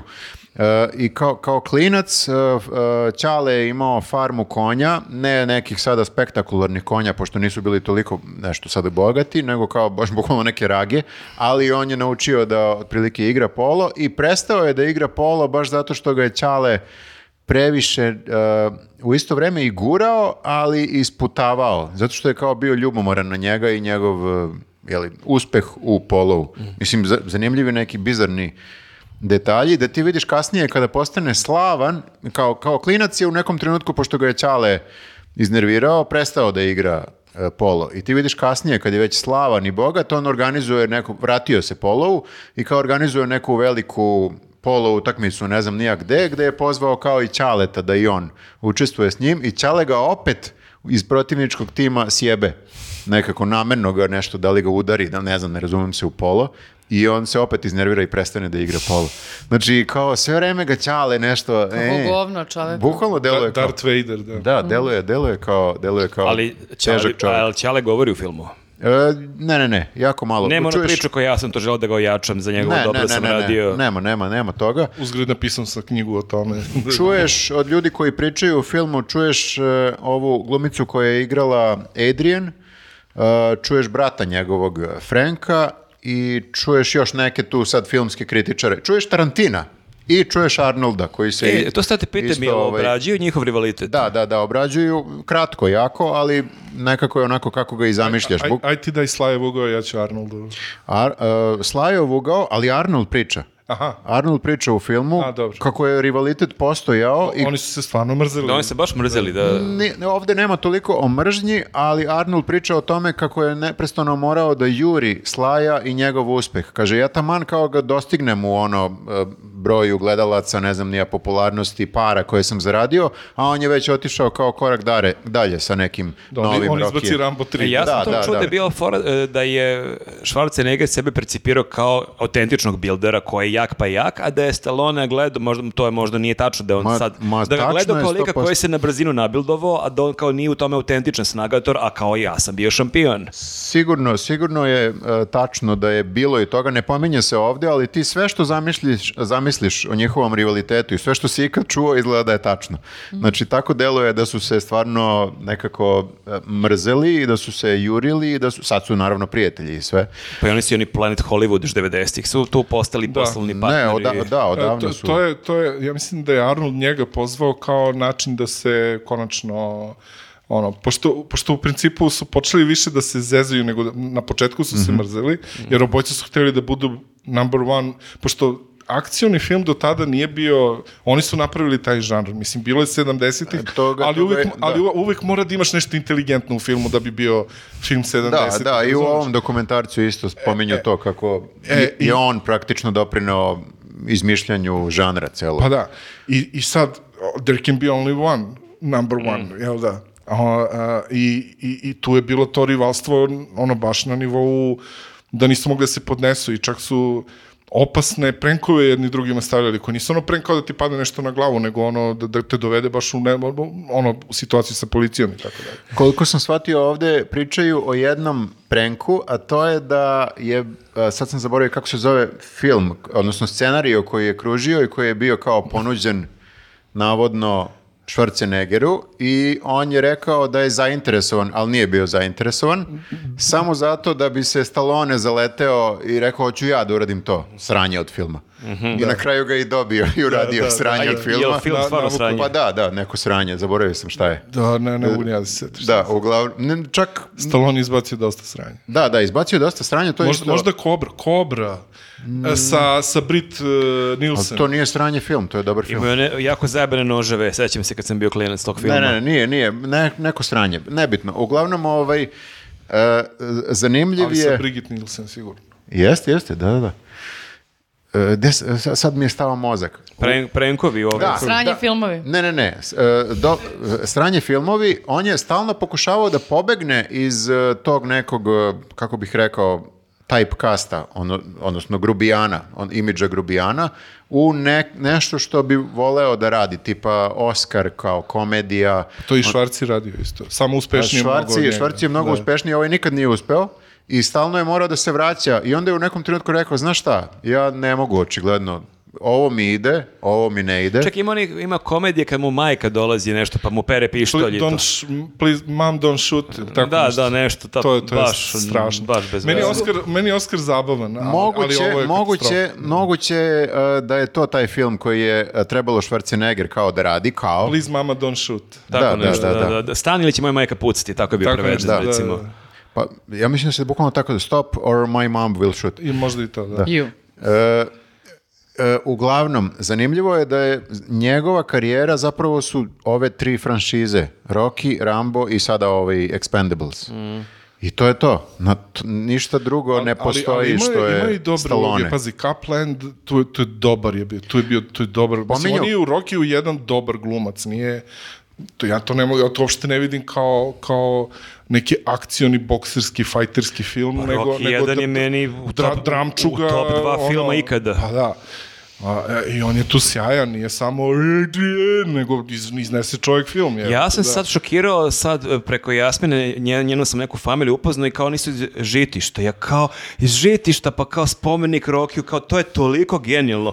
Ove se smorili, ja shvatim da ljudi u žitištu pizde na taj spomenik. A ja sam poznao, ali niko ne bi znao za žitište, nema tog spomenika, nemojte da se ložite, to je nešto najlepše što imate u vašem mestu. Još ti ih uvredio je. Ja sam im baš bio u fazonu, dajte, pa kao, niko ne bi znao koliko ima me- takih malih mesta u Banatu za koje niko živi ne zna, A ovo što pravi su, razliku. što su oni smoreni? Da, što ne su- znam, kao... Što su ga dizali koji iz- Pa ne, kao van konteksta, kakve on ima veze, pa kao, kao, jel treba da ima veze, ja sam kad sam išao, kad sam išao u Temišvar, ja sam stao, meni je srce lupalo, ja sam se slikao kod tog spomenika, kao to je Ali nekako... to je zato što si to ti. A ja, ali ja nisam jedini Znaš koji voli koliko ima Pa, Rocky, znaš ovakvih koliko kao- imaš ljudi koji I vole ja sam Rocky. taj isto. Pa što ga nisu onda podigli negde kod vas, nego... Pa prvi su se setili u žitištu. Ja sam Niko ih nije terao. Kod mene su podigli Dražu Mihajlović, ja bih mnogo više odijam Rokija, moram ti kažem, mislim, znaš, ako bi već birao, ono, tako da... E, ali izvini, uh, uh, ovo, da se vratimo na ovo, dobar glumac. Je- On jeste dobar glumac, ali on u jednom trenutku u filmu kaže nebitno kako glumim, ja izgledam ovako kao što izgledam. Da, da. Ja jednostavno kao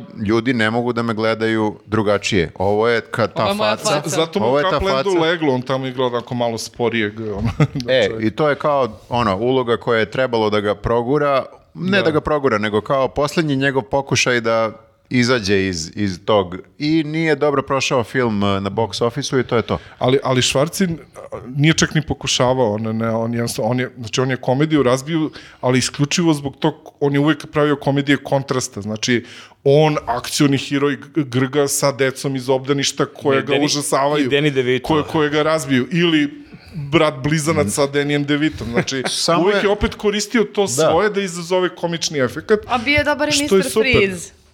Ja, E, bože, Njegova ti, ona je jedina koja voli Batmana ovog najgoreg. Really? Da, da, da, da. A zato što me seća na detinjstvo i kao neke periode sa mojima, kad smo gledali taj film, lepa mi je. Teško, Dobro, to teško je, ti. Nostalgija, nostalgija. Ne, Dobro, kao, i mene, treš- pla- i mene plavi orkestar podsjeća na detinstvo, pa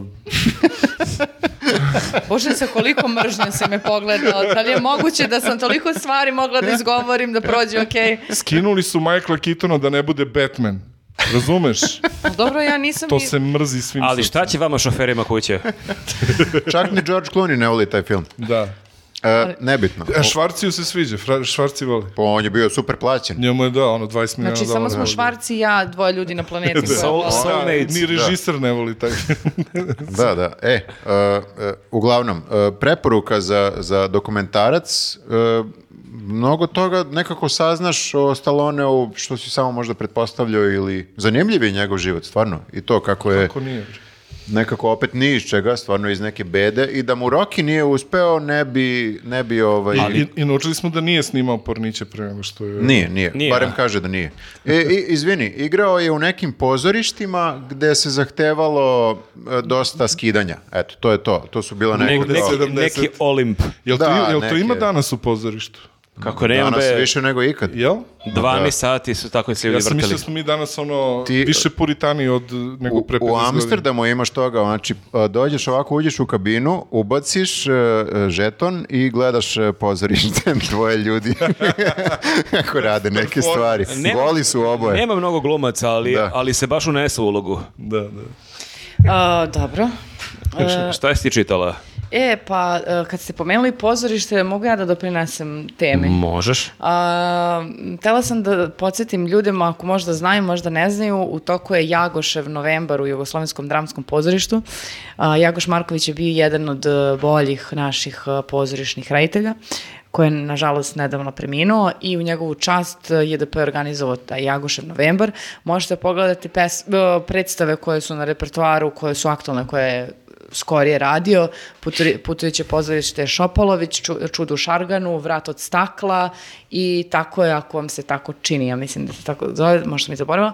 O, mislim, bit će te predstave na repertoaru i kasnije, pa eto samo da skrenem pažnju da nekako pogledate, zato što mislim da su stvarno dobre, ja samo nisam pogledala tako je, ako vam se tako o, čini. O, možda mi od svih ovih Vrat od stakla i Čudu u Šarganu su mi onako baš drage predstave, Ja sam znamo Šopalović je gledao i baš me oduvala predstava, Mm. a niko da pogledam ove ostale. Odlične su stvarno i to on pravite tako impozantne pozore, pravo pozorište nekako kada ga zamišljaš. Spektakl. Spektakl, jeste, stvarno da se ne lažemo, jeste i um, mislim ovako i onako jedna dobra, dobre predstave je radio i eto sad imate priliku da pogledate te četiri u jugoslovenskom dramskom, mislim nije on samo tu režirao, pogledajte da li ima i, e, u ostalim pozorištima, nisam proveravala, ali eto ja bih htela da obratite pažnju na te, na te četiri u JDP ovog meseca ili narednih. Dobro, i jel šta, jel hoćeš da pričaš o knjizi ili hoćeš ja da pričam? Hajde ti pa ću ja, nema da ne Dobro, E, pričam samo. evo, knjiga, o, Viktor, jesi ti čitao možda kako si studirao e, skandinavistiku, si čitao Toma e, Kristensena? U pitanju je danski pisac. Ova knjiga je kod nas nedavno izašla i ja kako sam shvatio iz opisa, on je neki kultni pisac danski i mnogi su kasniji pisci, uključujući i sada Knausgore i mnoge druge, naveli da mi je ova knjiga bila jako važna. Knjiga je Vandalizam, e, Blum izdavaštvo je izdavač ove knjige i knjiga je objavljena 1930. godine i jako na- na zanimljiv način, ona je obimna, ima nekih skoro 500 strana, ali jako se brzo i pitko nekako čita e, i dosta u njoj ima autobiografskih elemenata. E, Mi pratimo tog nekog glavnog junaka koji se zove Ole i e, zatičemo ga u jednom trenutku kad on je u nekim srednjim 30. godinama i na prvi pogled on ima dosta sređen život, on je e, neki ugledni književni kritičar u nekom poznatom dnevnom listu i živi u centru Kopenhagena, ima ženu, ima sina i fino zarađuje i onako na prvi pogled deluje da on jako lepo sredio svoj život.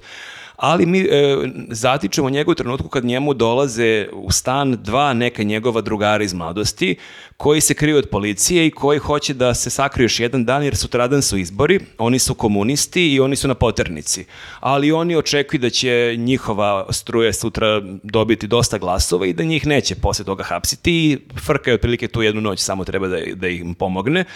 I oni su onako na prvi pogled potpuna suprotnost od njega, oni su onako puni nekih ide- ideala, dosta su ovako, onako, deluju onako da su malo pušteni s lanca i na prvi pogled deluje da se jako razlikuju i onako malo s gađenjem njega gledaju taj njegov buržuarski život kako je o- i onda zapravo mi shvatamo vrlo brzo da je on sam takođe bio u mladosti komunista i da je bio isti kao oni i da je on negde izdao svoje mladalačke ideale i on odlučuje da im pomogne i na mm, zgražavanje svoje žene i tu ih prima na tu jednu noć i zapravo taj događaj možda direktno ili indirektno kreće da d- utiče na to da on počne da preispituje svoj život i taj naziv knjige Vandalizam zapravo jako dobro to opisuje. On nije vandal u smislu da on ide, uništava nešto oko sebe, već on više samog sebe uništava, jer nakon toga on shvata da zapravo on nije zadovoljan svojim životom i on kreće mnogo da pije i kreće da ruši mnoge mostove koje ima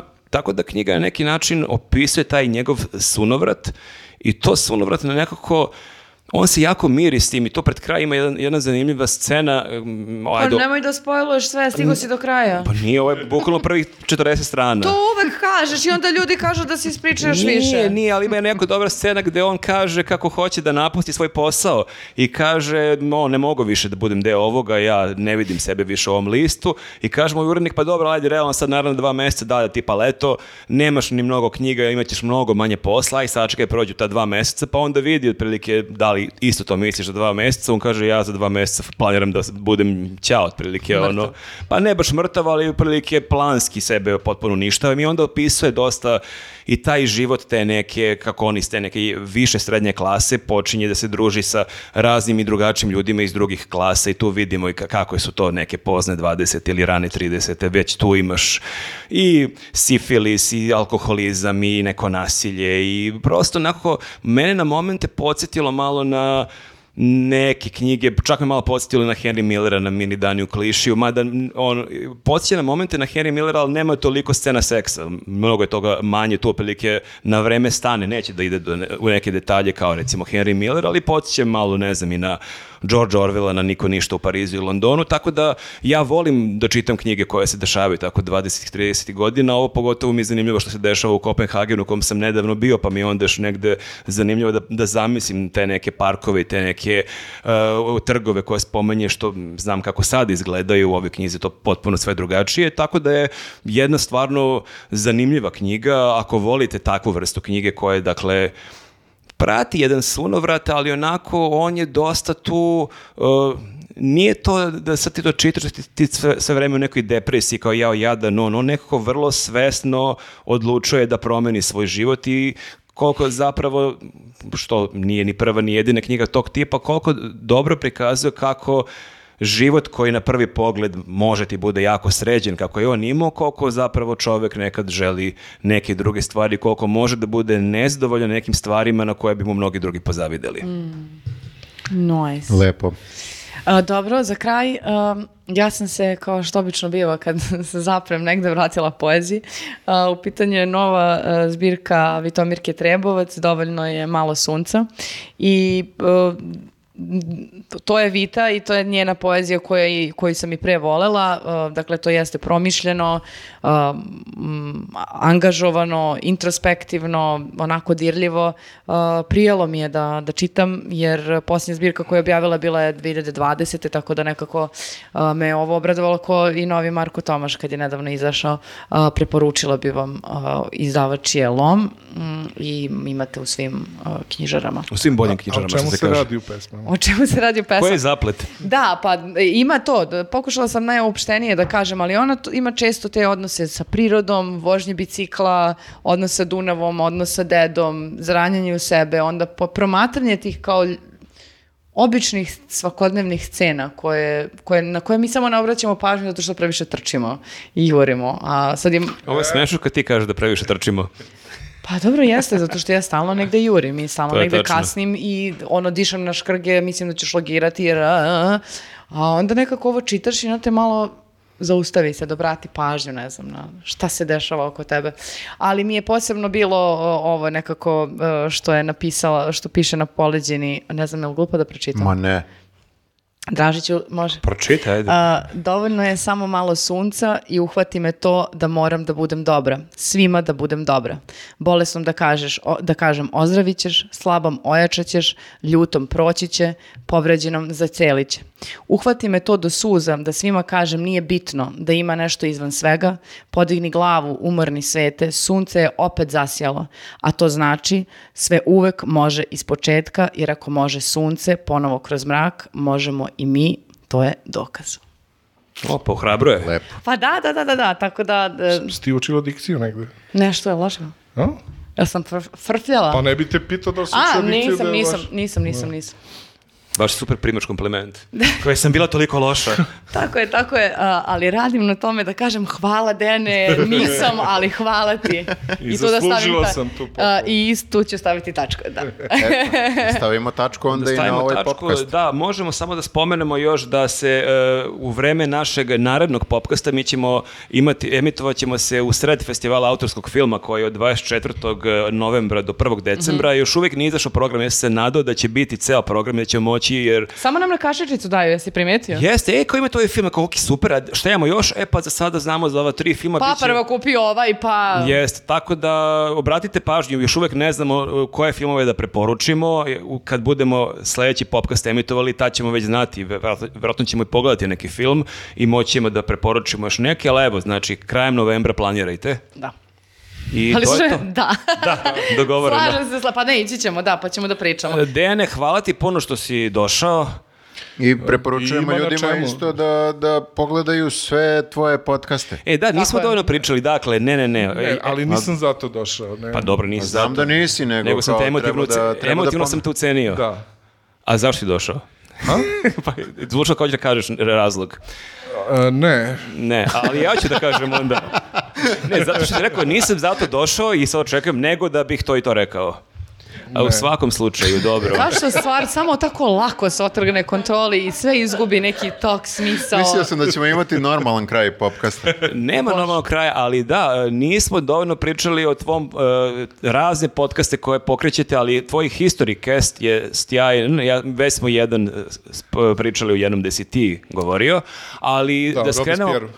Jeste, ili ne, ne kaže se Robespierre, kako se- Robespierre. E. Robespierre. Da, ja se spremam za istoriju sukoba Palestine i Izraela od kad je izašla, da se potkujem sa svim informacijama na jednom mestu, tako da jedva čekam to da pogledam, ali nikako da iz- izvojim Pa izvojim vreme. ne, za sebe. daleko isto, mislim, to je 3000 godina istorija, a mi se fokusiramo na od cionističkog pokreta Dobro. na vama, znači 19. vek, ali a, a, am, tako da ćeš saznati samo taj deo. Pa dobro, A- a malo ima, li je. Mm. A ima puno toga u toj istoriji što bi trebalo znati. Jeste, jeste, to je zaista zanimljiva je epizoda. fascinantno. Da, i to možemo da kažemo, evo, znači, mimo toga što ste vi radili, vi imate dve epizode o istoriji uh, Znači, jevrejsko-palestinskog prvo je sukoba. bilo toliko dobro da smo hteli još da surfujemo na tom talasu. To je isto, m, isto dobro. E, tu temu su još neki podcasti obrađivali. Boško Jakšić je gostovao u Jeste, Agelastu. Isto Boško je Jakšić, da. zanimljivo pričao, pogotovo što on žive od 4-5 godina u Kairu, pa je iz prve ruke priča i tako neke anegdote.